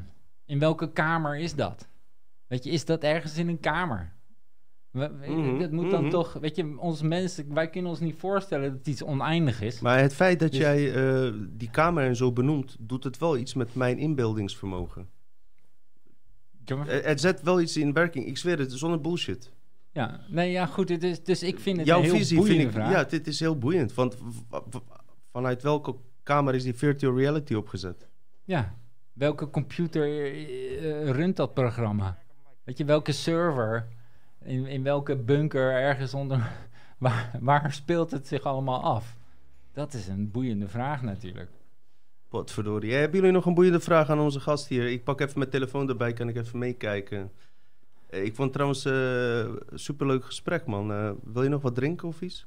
Nou, het is warm hier, jongen. Ja, het is warm, het is heet. Het is, het is echt benauwd. Hebben jullie het ook benauwd Ik thuis? pak even wat water. Is goed, gozer. Je kent de weg. Hey, ik weet niet hoe dit allemaal werkt. Ik ga gewoon eh, hier ergens... eh, waar zijn de reptilians? Nee, dat kun je niet zien in die, op die foto, inderdaad. Draco's. Alpha Draconis. Alpha Draconis. Maar eh, ja, die pakte en, eh, en zo en alles. Maar waar het uiteindelijk eigenlijk om draait is... dat wij eh, die scripten kunnen schrijven met die vermogens van kwantumfysica. Toch? Ja, die Hoe, hoe zie jij de oplossing, zeg maar, voor een ver- eh, positieve verandering van deze wereld? En, ja, eh, kijk, dat vind ik, dat vind ik een mooie we vraag. zijn twee uur voorbij. Ja. Dit is een mooie kwartier voor afsluiting. ja, hè? dat, vind ik, dat is misschien ook al, een, een ook al eh, komen er ook. steeds meer kijkers bij. Als ze echt zeggen van, oh, we moeten verder, is ook prima. Maar ja, Ik- zeg het eens. Nou ja, ik, ik, ik werk dus bij de andere krant en daar hou ik me bezig met samenleven. En, en dat is eigenlijk het positieve nieuws. Dus de, de mooie eh, initiatieven, presentaties, eh, alles wat bijdraagt aan een, aan een betere wereld, probeer ik daar aandacht te, geven. Eh, want dat is denk ik ook waar de oplossing ligt. Ik heb jarenlang mezelf bezig gehouden met hoe we allemaal genaaid werden. En daar werd ik één helemaal niet gelukkig van. En twee, gaf ik daarmee ook continu energie aan dat wat ik niet wilde. Dus volgens mij ligt de oplossing bij dat we dat gaan omdraaien. En dat we energie gaan geven aan wat we wel willen. Ja. En natuurlijk blijft het belangrijk om, de, om te benoemen hoe we genaaid worden. Ja. En hoe dat werkt. Zeker voor de mensen die daar nog niet bewust van zijn. Want als die wakker worden, dan eh, gaan ze al die informatie als een spons opzuigen. Maar er komt een punt, ook in hun leven, dat ze denken van... oké, nu weet ik wel hoe dat werkt. Hè, Even los van eh, hoe arrogant dat misschien klinkt, maar ik heb daar nu wel genoeg kennis van. Ik wil dat graag, ik wil graag vooruitkijken naar hoe gaan we het dan wel doen. En ik denk dat de, op, de echte oplossing daarvan in onszelf ligt. Mhm. En dat, is misschien heel cliché, maar een betere wereld begint bij jezelf. En dat, dat is wel echt zo. En dat merk ik in mijn eigen leven ook. Want als ik mezelf verbeter, dan merk ik dat mijn relaties met anderen ook beter worden. En En dat mijn werk ook beter wordt. En dat de effecten die ik heb op de wereld ook positiever zijn. Dus dat is wel echt waar de oplossing ligt. En je, dus, dus zoek het vooral niet buiten jezelf. En ga zeker niet trust the plan en, en, en, geef je macht zeker niet weg aan anderen. Maar ga naar binnen en pak je eigen macht. En Bro. op die manier neem je de macht weg bij, bij degene van wie je niet wil dat ze het hebben. Ik kreeg weer een ingeving. Als ik niet vier vodka op had, had ik nooit op deze gekomen. Hoor dit, hè. Ehm, ik zeg niet dat ik wat voorstel. Ik zeg altijd over mensen, het maakt geen reet uit hoeveel bereik je hebt. Of wat dan ook. Jij kan een verhaal, eh, heb ik in het eerste boek geschreven... op een verjaardag aan één bepaald persoon vertellen... en dat kan meer effect hebben dan wat Joe Rogan doet. Mhm. Toch? Ja. Zijn we allemaal mee eens met het publiek? Zeg ja, zeg ja. Ge- Ja. Oké. Ik wel. Ik zit nu even te denken, hè, hoe ik jou ken. Eén, via eh Niburu en Joffrey die over die Stargate vertelde. Dat was nog voor twee, rond 2010. Want Mhm. in deze shit was ik iets later. Want eerst was Secret, dus Ja. in 2006, 2007. Dus deze shit kwam bij mij ook later pas in. Ehm, twee, corona breekt, breekt uit. Wij starten Dutch Matrix, jullie starten OPN. Mhm. En wat gebeurt een paar weken geleden? Eh, zonder. Hij, hij, kan, hij heeft mij benaderd. Dus het is geen marketingtruc voor mijn boek ook. Absoluut niet, want hij heeft mij benaderd. Ja. Ik heb jou niet benaderd. En dat we elkaar dan op deze manier ook terugvinden. Maar weet je, en dat is dan één persoon. Snap je? Ja. Weet je waar ik heen wil? Ja, dat, elk zaadje is er één. En je hebt geen idee wat een uitspraak die je doet met iemand doet. Ik krijg nu nog steeds mensen naar, naar mij toe... die mij twaalf jaar geleden bij Niburu een keer een presentatie hebben zien geven... en die me daar nu nog voor bedanken. Omdat ik toen iets heb gezegd... waardoor zij onderzoek gingen doen op dat onderwerp... en daar begon hun bewustwording. Ja, en dat is ook niet bedoeld om arrogant te zijn. Dat is maar om even om aan te geven... dat je hebt geen idee wat voor effect iets heeft. En het kan één woord zijn of één zin waar iemand op dat moment helemaal niks mee doet. En drie jaar later maakt hij iets mee waardoor hij daar aan terug moet denken. En waardoor hij ineens een, een versnelling creëert in zijn bewustzijn. Dus Mhm. alles, alle beetjes helpen. Zeker. En ehm, hoe, hoe eh, veel je ook... Ik denk dat de gro- grootste advies... Zelfs dat, dat is arrogant als ik dat moet zeggen. Maar wat mij altijd geholpen heeft... eh, heel scherp dat je overschakelt... is echt van... eh, als je denkt dat je het begrijpt... word niet arrogant dat dat de waarheid is. En daar zijn zoveel van onze voorgangers eh, in gesleurd, zeg maar. Ja. Ehm, dat ze bij die waarheid bleven.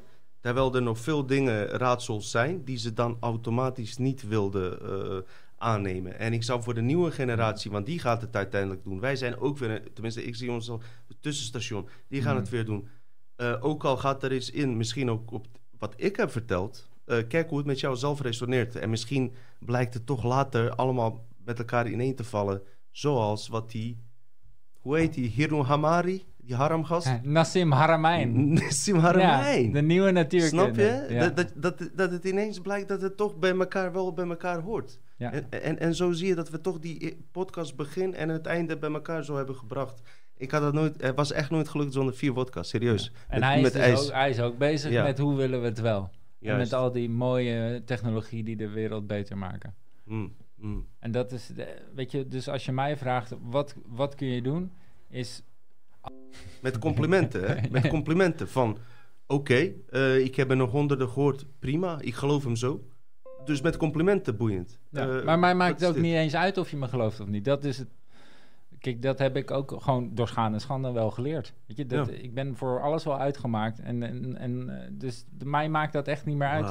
Ik weet wat ik heb meegemaakt. Maar, maar, maar, maar merk je wel dat er nu meer toegang voor is? Als je spreekt, dat je dan Ja. minder uh, serieus over Veel wordt meer, genomen? tuurlijk. Ja, Ja. zeker. De onderwerpen waar je twaalf jaar geleden nog echt voor gek verklaard werd, zijn nu gewoon bespreekbaar. En dat is echt een heel goed teken.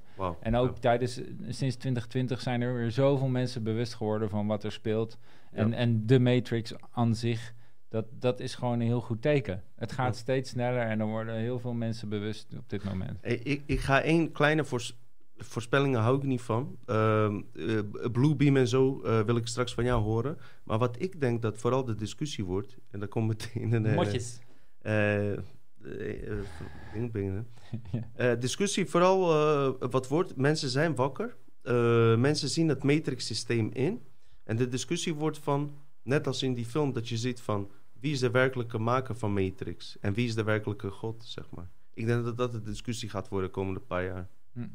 Ja, ja, goed. En, eh, en Bluebeam ook, hè. dat wordt wel echt een ding. Weet je, dat... eh, maar één ding voor de mensen. Als we aangevallen worden door aliens, geloof me, eh, dat zijn niet de echte aliens. Dat is de cult die wil laten denken dat het aliens zijn. Dit is... Hoe, kunt- hoe, hoe zou jij reageren, zeg maar, op zo'n bericht? Wat zou je eerste reactie zijn? Zou je meteen wc-papier of eh, mail binnenhalen? nee. nee, ik zou allereerst goed kijken naar, eh, naar de ruimteschepen zelf. Want je kunt, je kunt goed herkennen. Ja, of- je hebt die triangles, die zijn van die bad motherfuckers, toch? ja, je kunt goed herkennen welke Die van... delta-groepen en shit. Van, ja, van, ja, precies. Je hebt de, de, de driehoeken en eh, alles wat naden heeft, of, of, of lasnaden, of bouten en moeren, dat is geen buitenaards ruimteschip. Dat is door mensen gemaakt. Mhm. Je, dus, eh, Dat is meer paperclip shit. ja, precies. Dus eh, weet je, dat soort dingen moet je op letten. Maar ook vooral eh, hoe iets voelt. En dat klinkt misschien gek, maar als je een echte UFO waarneemt en je kunt een beetje stil worden in jezelf, dan kun je ook voelen. Daar, Mhm. daar gaat een energieveld van uit en dat is positief. Dat voelt warm. En dat is. Je, Dat had ik met die landing. Weet je, dat was gewoon. Het was helemaal oké. Ja, ik was verbijsterd. En ik was ook bang, tuurlijk. Ik scheet. Je was met vrienden daar. In de regenbrug, met één vriend. Ja, ja. Oké. En eh, herin- herinnert hij zich dat? Want vaak vergeten sommige mensen zo. Ja, oh, ja, ja, Danny Smits, ja, ja, zeker. Die weet dat. Ja, Oké. ja, ja. Oh, ja. Dennis, Dennis Smits, het klinkt Duits. Eh, wauw. Emmen, ja. Ga je een bijtje. Ik, ik denk wel Arends ook, hè. Jeroen Arends, eh, Herr Arends, ja. Ja. ik denk meer aan de vogel, Arend. Mijn vader heette Johan Heinrich Jozef. Tering, dat had je niet verteld voordat we hadden afgesproken. Ja, ik ben een kwart... Nee, of een Oh, dan 1 moet achtste Duits, geloof ik. Is, moet ik nu weg? Moeten we nu snel... eh, Oké. ja. Ik weet niet wat je... Ik hoor die geluiden niet, hè. Dus het is lastig voor mij. Zie alleen maar mooie, Nee, mooie, maar, mooie kleurtjes. Nee, maar eh, eh, is- is serieus, eh, die, er kan van alles gebeuren. Er komt eh, nu gewoon in mainstream nieuws eh, ehm, erkende mainstream insider eh, van eh, Amerika, van, die, aan, eh, die ook die secret projects benoemt. Alleen ja. ze geloven hem niet. Maar hij heeft het gewoon, dit vond ik echt, dit had ik niet verwacht, over alien bodies. Dus echt. Dode alien bodies. Dus niet alleen een gecrashte schip, dat is één level. Third kind. Alien bodies. Nou ja, eh, kijk, het gaat elke keer daar weer om dat ze, ze, eh, ze brengen het zo alsof ze niet precies weten wat het is en alsof het een gevaar zou zijn. En iedereen die dat zegt, die, die weet of niet wat er aan de hand is, of hij lult uit zijn nek. Want de echte powers that shouldn't be, de, die, hebben, die weten heel goed wat het is. En wie, wie ze zijn en welke technologie ze hebben. En ze hebben zelf ook technologie die zeg maar vergelijkbaar is. Dus je, ze weten ook heel goed dat de meeste buitenaardsen goed aardig zijn. En, dat- en dat ze gewoon. Maar Oké, oké. Eh, Dus- moet, moet ik jou even zelf de vraag stellen? Ze weten ook dat de meeste buitenaardsen goedaardig zijn. Die buitenaardsen die pakten hebben gesloten. Eisenhower shit. Eh, pak Mhm. met de Draco's, Hitler. Die hele mik- mikmak. Wie Ja. waren dat volgens jou? Dan heb je het over eh, groepen van de Greys en de Draco's. Dus de, de reptielachtige. En de Greys, de, de klassieke met de grote hoofden, grote zwarte ovale ogen. En die Anunnaki-figuren toch beetje zo? Dat zijn reptielachtige, Ja, ja. de Anunnaki. Ja. Ja. De- de- die worden altijd omschreven als eh twee, 2,5 meter eh, harten onder de oksels. Grote reptielachtige, staan op twee benen. Zelfs in Japan staart. en eh, Azië hebben ze ook exact dezelfde wezens. Hè? Dat is ook absurd. hè? Ja, die, die hagedisachtige reptiel die komen overal terug. Ja. Ja, tot in Japan hebben ze een iets schever eh, eh, ogen. Nee, grapje. nou ja, zeggen. Ja. Nee, maar die gaat helemaal tot de Dogon in Zuid-Afrika, weet je. Een heel oude stam die eh, gewoon letterlijk zegt van... joh, die, eerst liepen ze hier op aarde en eh, controleerden ze ons eh, letterlijk gewoon... Hè, door eh, met de zweep bij wijze van spreken. En nu doen ze dat eh, van achter de schermen. En dat is precies hoe, hoe dit werkt. En, en het absurde is, oh, daar zou je oké. Zou je kunnen denken, oké, is een of andere ehm, mythisch verhaal. Ja? Maar, maar, totdat de Dogon zeggen waar de Sirius Star B is. Ken je dat verhaal? Ja, Ja, ja. Ja. precies. Dan denk je, hoe de fuck konden zij dat weten terwijl NASA het niet wist? Zonder telescoop, zonder... Eh, Afrikaans. Ruimteschepen, eh, hoe de fuck konden zij weten Hoe waar die... ze dat? Ja. Eh, überhaupt van het bestaan van die Sirius B. Want je had Sirius A, konden ze precies aanwijzen. En zij zeiden, er is nog een Sirius B.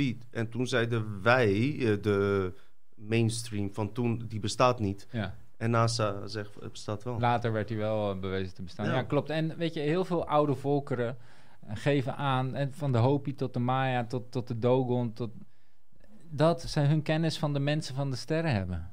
De mensen die in hun zilveren schijven eh, neerdaalden vanuit de hemel. De, allemaal van dat soort, los van elkaar, Gozer. andere ook- continenten. Ook dus dat is geen toeval. schilderijen. Eh, Er zijn zoveel fucking aanwijzingen. Ja, nee, maar dat is ook, en, en weet je, is tegenwoordig, er is zoveel videomateriaal, zoveel documentatie, zoveel zeer geloofwaardige getuigen. Er is meer bewijs voor het bestaan van UFO's en buitenaardsen dan, dan, dan, Covid? dan ja, sowieso. en daar heb ik nog nooit overtuigend bewijs voor gezien. Het bestaan Ja, van serieus. SARS-CoV-2. Nee, maar eh, al die discussies die we afgelopen drie jaar hebben gevoerd, ook van het eh, tegenbewijs van eh, dat het eh, politiek beleid niet klopt eh, met betrekking tot COVID op dit, eh, hè, in de, Mm. dit voorbeeld. Ik denk dat aan materiaal waar wij net over spreken, dus over die buitenaardse materiaal, meer documentatie is. Zoveel. Toch? Zoveel. Eh, Mensen die, zeg maar, het bestaan van buitenaards leven en eh, dat ze hier zijn en die on- tientallen, mm, oneindig veel rassen waarschijnlijk.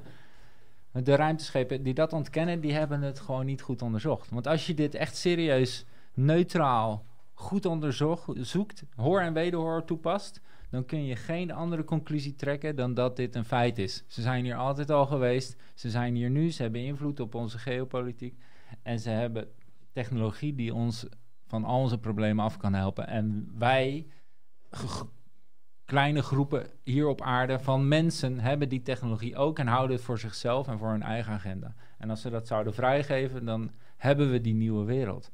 Hmm. Zonder problemen binnen no time. Hmm. Ik, ik merk dat mensen nog steeds aan zijn, dus ik, ik wil niet afsluiten. Ik ga nog tien minuten, ver- eh, kwartier verder, geen probleem. Eh, ik moet alleen even plassen, even sigaretten pakken buiten. nou, Dus, eh, vraag, vraag maar even. Wat, wat, waar, waar, eh, zijn er Nou, vragen? Of, wat, Ehm, waar moet ik over vertellen? Heb je een vraag dan aan... ehm, Dan zit ik hier mijn eentje. Of ander, maar dat was ook de test juist van... kan jij nu even drie minuten of tot vijf minuten... is Oh. hetzelfde als... eh, eh, nee, laat maar. Je gaat me testen, oké. Nee, maar dan O- ga of, ik... je iets te vertellen hebt. Of... ehm, Oké, ik heb een idee. Jij vertelt net... Zo, dit is een goeie, dit is een moeilijke. Als je zegt van nee, dat kan ik niet, is ook goed. We gaan je niet uit, uitschelden. Kom nee, maar door, dat doen we niet. Luister. Ja. Jij zegt net, ehm, onder andere eh, aliens die eh, via geopolitieke la- laag invloed op ons kunnen hebben. Ik moet naar de wc en sigaretten pakken, drie, vier, vijf minuten. Kan je dat toelichten in die paar minuten tijd? Hoe vinden jullie die? Die is wel fucking moeilijk, ik begrijp je wel. Ja, ja, Als je zegt van nee, oké, is goed. Daar komt hij zonder geluid. do. Ik doe hem hierop en we zijn zo weer terug. Oké. Behouden van jullie. En hoor, deze man is een OG. Het is 2007. Ik zei het is 2010. T- 2007 is deze man bezig. Komt-ie. Leg het maar uit, gozer. Oké, Dino, je zet me wel voor het blok, maar dat komt helemaal goed. Ehm, Ik kijk het hoe- later terug. Hoe deze buitenaardse rassen invloed uitoefenen op onze geopolitiek. Eh, ja, dan moet je het eigenlijk gaan hebben over het energetische niveau, denk ik. Ehm, want op energetisch niveau eh, heb je de kwade krachten, om het zo te zeggen. De, de reptilians, of hoe je ze ook wilt noemen. De, de, er zijn er verschillende. Eh, het lijkt erop dat negatieve energie, zoals wij dat zouden omschrijven, eh, wellicht negatieve emoties, woede, eh, jaloezie, haat, boosheid, ga maar door afgunst, dat eh, dat hun voeding is, dat zij daarop teren. En je ziet dus ook vaak dat mensen die grote gaten in hun aura hebben, bijvoorbeeld, dat die dat entiteiten daarop aanhaken. Dat noem je dan een lifter of wat dan ook. En die gaan dan die mensen dingetjes influisteren of nudgen richting meer negativiteit, omdat dat letterlijk hun voedsel is. Dus als Dino mij vraagt, eh, waarom zijn ze hier, waarom, hoe hebben ze invloed? Ze hebben denk ik invloed. Waarom? Omdat zij eh, meer van die negatieve energie willen creëren. Misschien ook wel heel fysiek, hè? want als je gaat kijken naar de overlevering van, eh, van de Sumerianen, dan zeggen die dat de Anunnaki hier kwamen omdat ze goud wilden. Dat hadden ze nodig voor hun thuisplaneet om die te beschermen tegen gammastraling. Dus misschien is het ook wel heel fysiek en willen ze gewoon grondstoffen.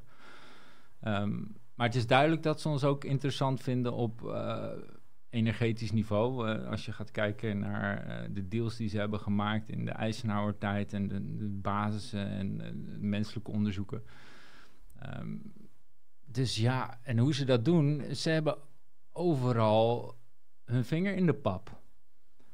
Deze wezens hebben geavanceerde technologie en gebruiken uh, cloaking en uh, holografische projectie om zichzelf voor te doen als mensen bijvoorbeeld en op sleutelposities uh,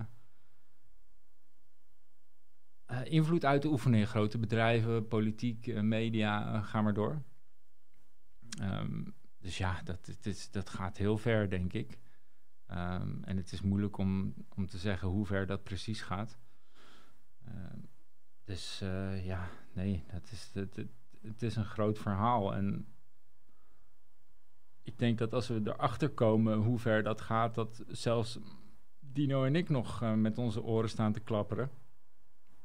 Um, want ja, die manipulatie is enorm. En uiteindelijk moet je natuurlijk uh, helemaal naar de bron van, van, van het kwaad, of hoe je het ook wilt noemen. En dan kom je toch bij de argontische energie uit.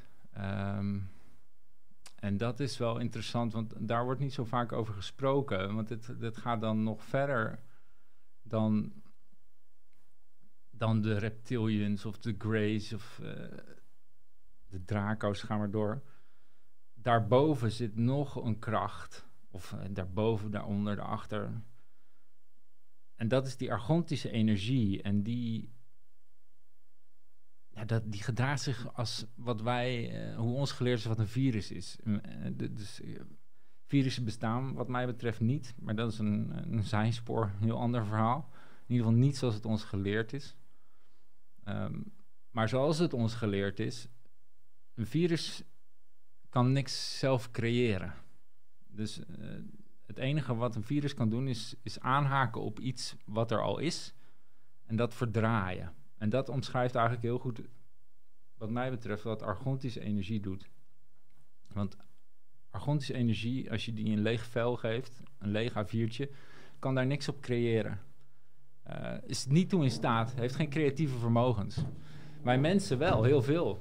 En wat wij doen is, wij kunnen op zo'n papiertje lijnen tekenen en, en mooie, mooie, mooie plaatjes maken.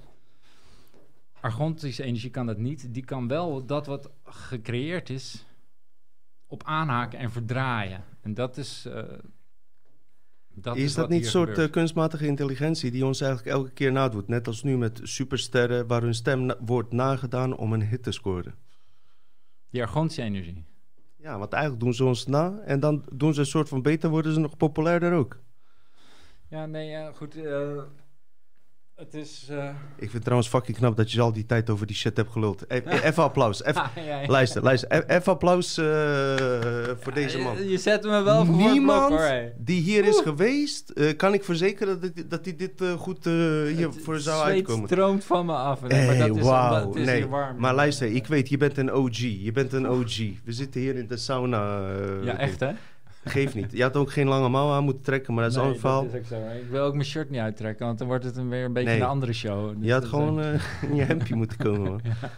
Met Niboeru-soep. Ja, ja, ja, ja, Nee, maar gozer, respect. Even appla applaus thuis. Hey, hij lult gewoon vijf minuten over die shit. Ga maar verder. Ze, ze kopiëren ons dus, dat wil ik zeggen. Constant, toch? Nou ja, uh, ik had het over argontische energie. En, en, dat is wel interessant, want als je gaat kijken naar virussen... Want zo gedraagt die argontische energie... Die, die kunnen zelf niks creëren... maar kunnen wel dat wat gecreëerd is omdraaien en verdraaien. En dat is ook wat continu gebeurt. Dat is waarom die om, ook een ding is. Waarom je dat elke keer terugziet. Uh, die inversie, zoals dat genoemd wordt, alles omdraaien. Dit is eigenlijk als je alles wat onze politici uh, zeggen 180 graden omdraait, dan kom je eigenlijk best wel dicht bij de waarheid, zeg maar. Dan heb je die uh, mengeling van metafysisch level en zichtbaar level. Ja, omdat die energie daarachter zit. Dus dat is wel boeiend als je dat soort dingen beseft. Komen we toch dus terug op die ene vraag die toen niet beantwoord was, maar, toen we, maar nu dus wel, is van um, vanaf waar word je aangestuurd?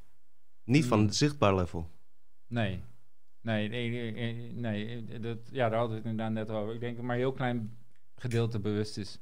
En ik denk dat het grootste gedeelte echt je hogere zelf is. En je, je- via je ziel, of hoe je het ook wilt noemen. Ja, dat je, dat je van tevoren, dat, dat wordt dan vaak het zielencontract genoemd. Dat Ja. je voordat je hier incarneerde al hebt besloten van nou tijdens dit leven wil ik dat, dan, dan, dan, dat ervaren. Want dat heb ik nog niet ervaren in het grotere plaatje. En al die duizend levens die ik hiervoor had, heb ik allerlei dingen ervaren. Maar dat, dan, dat nog niet. Dus dat wil ik in dit leven. Eh, t- trouwens, ik voel me net eigenlijk eh, eh, Theo van Gogh. Met die sigaret zo. En, en, en die gesprekken van die tijd. En eh, dat waren toen de controversiële gesprekken. Hmm. En nu zijn dit soort gesprekken dat geworden. En ik hoop niet dat het met mij ook zo eindigt. Ma- Maakt mij niet uit. En laten we ervan uitgaan van niet. Nee. Nee. Maar eh, die onzichtbare velden, die worden dus niet goed onderzocht door de alternatieve media in het algemeen. Nee, ja, ja, ja, ik vind wel dat ze onderbelicht worden. Ja, ik vind ook dat het in de alternatieve media... eh, en daar maak ik me ook op de redactie van de andere krant af en toe hard voor... eh, dat het te veel gaat over hoe we genaaid worden. En wat er gebeurt in de fysieke wereld. Maar dat is maar zo'n klein gedeelte van alles wat er is. Hè? Die 0,0001 procent. Het is... eh, dat je iets niet kunt meten, betekent niet dat het er niet is. Denk aan liefde of, of aan compassie of aan welke emotie dan Maar, ook- maar dan kom je in je een ander meten, veld die niet eh, hoort bij deze realiteit, weet je wel. Of je hebt gewoon nog steeds niet de meetapparatuur die, eh, om het te meten. Misschien Heb je trouwens wel eens een eh, DMT-trip ervaren? Ik heb één keer DMT gerookt. Het kon ook niet anders. Ja. Even serieus. eh, Dat, eh, serieus. Ja, in Amsterdam met een vriend van me. ja, natuurlijk. Natuurlijk. Dat was wel, dat was heel bizar, want het- dat was een, een, eh, een, een, een reis We- weet je waarom ik die vraag stel? door steden van licht. Ja, maar dat is het juist. Wat neem je waar, weet je wel? Dat is de, de, de hele, hele ding waar we over hebben. Is wat neem je waar? ik, ik, ik, had, ik, ik deed dat voor het eerst. Ik heb dat maar één keer gedaan. En dat, dat werd dan in een, eh, in een soort checkie gedaan. En ik rook, moest dat in één teug oproken. En ik viel achterover in de bank. Ik Alles was klaargelegd. eh, Dat ik achterover kon vallen in de bank. En dat heeft twee minuten geduurd, zei die vriend van mij achteraf. Maar voor mij was het uren. Waar, waar ben je geweest? En waar ik, ben je ik geweest? werd gewoon... eh, Wat zeg je, Ersa? Oh nee, nee, nee. ik, ik, ik, werd, ik werd in. eh, ik werd. Ja, alsof ik zeg maar voor op een trein zat of zo. Door steden van, van licht geleid. Dat was heel bijzonder, vergeet ik nooit meer. Het is echt een, soort. Ja, steden van wit. eh, ja, glas met wit licht of zo. Echt Hoe, hoe heel- werkelijk soort eh, ervaarde je het? Eh, ik heb ook die ervaringen, maar Hm. hoe werkelijk... voor mij was het gewoon meer werkelijk dan deze realiteit, zeg maar. Hoe was jouw... Ja, het voelde voor mij ook heel echt. Het voelde meer mij- dan deze werkelijkheid? Ja, nou ja, als je dat zo zegt, dan, ja, dan moet ik dat wel beamen. Ja. Ja, Ja. man. Ik heb ook Voor mij was dat inderdaad wel, dat is hoe het, hoe het is, zeg maar. Of ook kan zijn. Oh. Ja, Wauw, wauw. Ehm, ja leuk. Ik, ik ben... Hey, we kunnen verder gaan, geen probleem. Maar we kunnen gewoon ook eh, hier vervolg op maken. Deze man is ook aanwezig op het feestje. 23 september komen, komt een heel leuk lijstje. Komt hier... eh, ik moet nog een paar mensen inlichten... die nog niet weten dat het verplaatst is eh, van datum. en dan halen we even meer mensen bij elkaar. Doen we een raad van 11. Ehm, oh, een raad van 11, wat Ja, leuk. ja, zeker. Niet zeker, 12, want 12 is geen natuurlijk nummer. Ra- raad van 11 kwam gewoon ehm, in mij op. En 11 september kwam die uit, dat boek. Ah, ja. Het heeft- nee, raad van 11 veel beter dan 12. Helemaal, Het eh, klinkt helemaal goed, maar waarschijnlijk zullen het veel meer zijn dan Raad van Elf. Ook veel meer mensen die ik eh, eh, van tevoren ga aankondigen daarin. Dus eh, dit was ook even een voorbereiding, want we zijn een tijdje niet live geweest. En eh, ik vond het onwijs een goede podcast, man. Nou, dat is fijn. Goed om te Dat horen. meen ik echt. dat ik vond het echt. ook heel gezellig en, Ja. en bedankt voor de uitnodiging. Dus, Mhm. eh, goede vibes en Ja. interessante gesprekken. En eh, ik hoop dat mensen het ook leuk vonden om deze eh, zomerse energie, zeg maar, hier te Ja, zitten. zeg dat wel. Wat is het heet hier? Ja, man. het is heet, maar ook...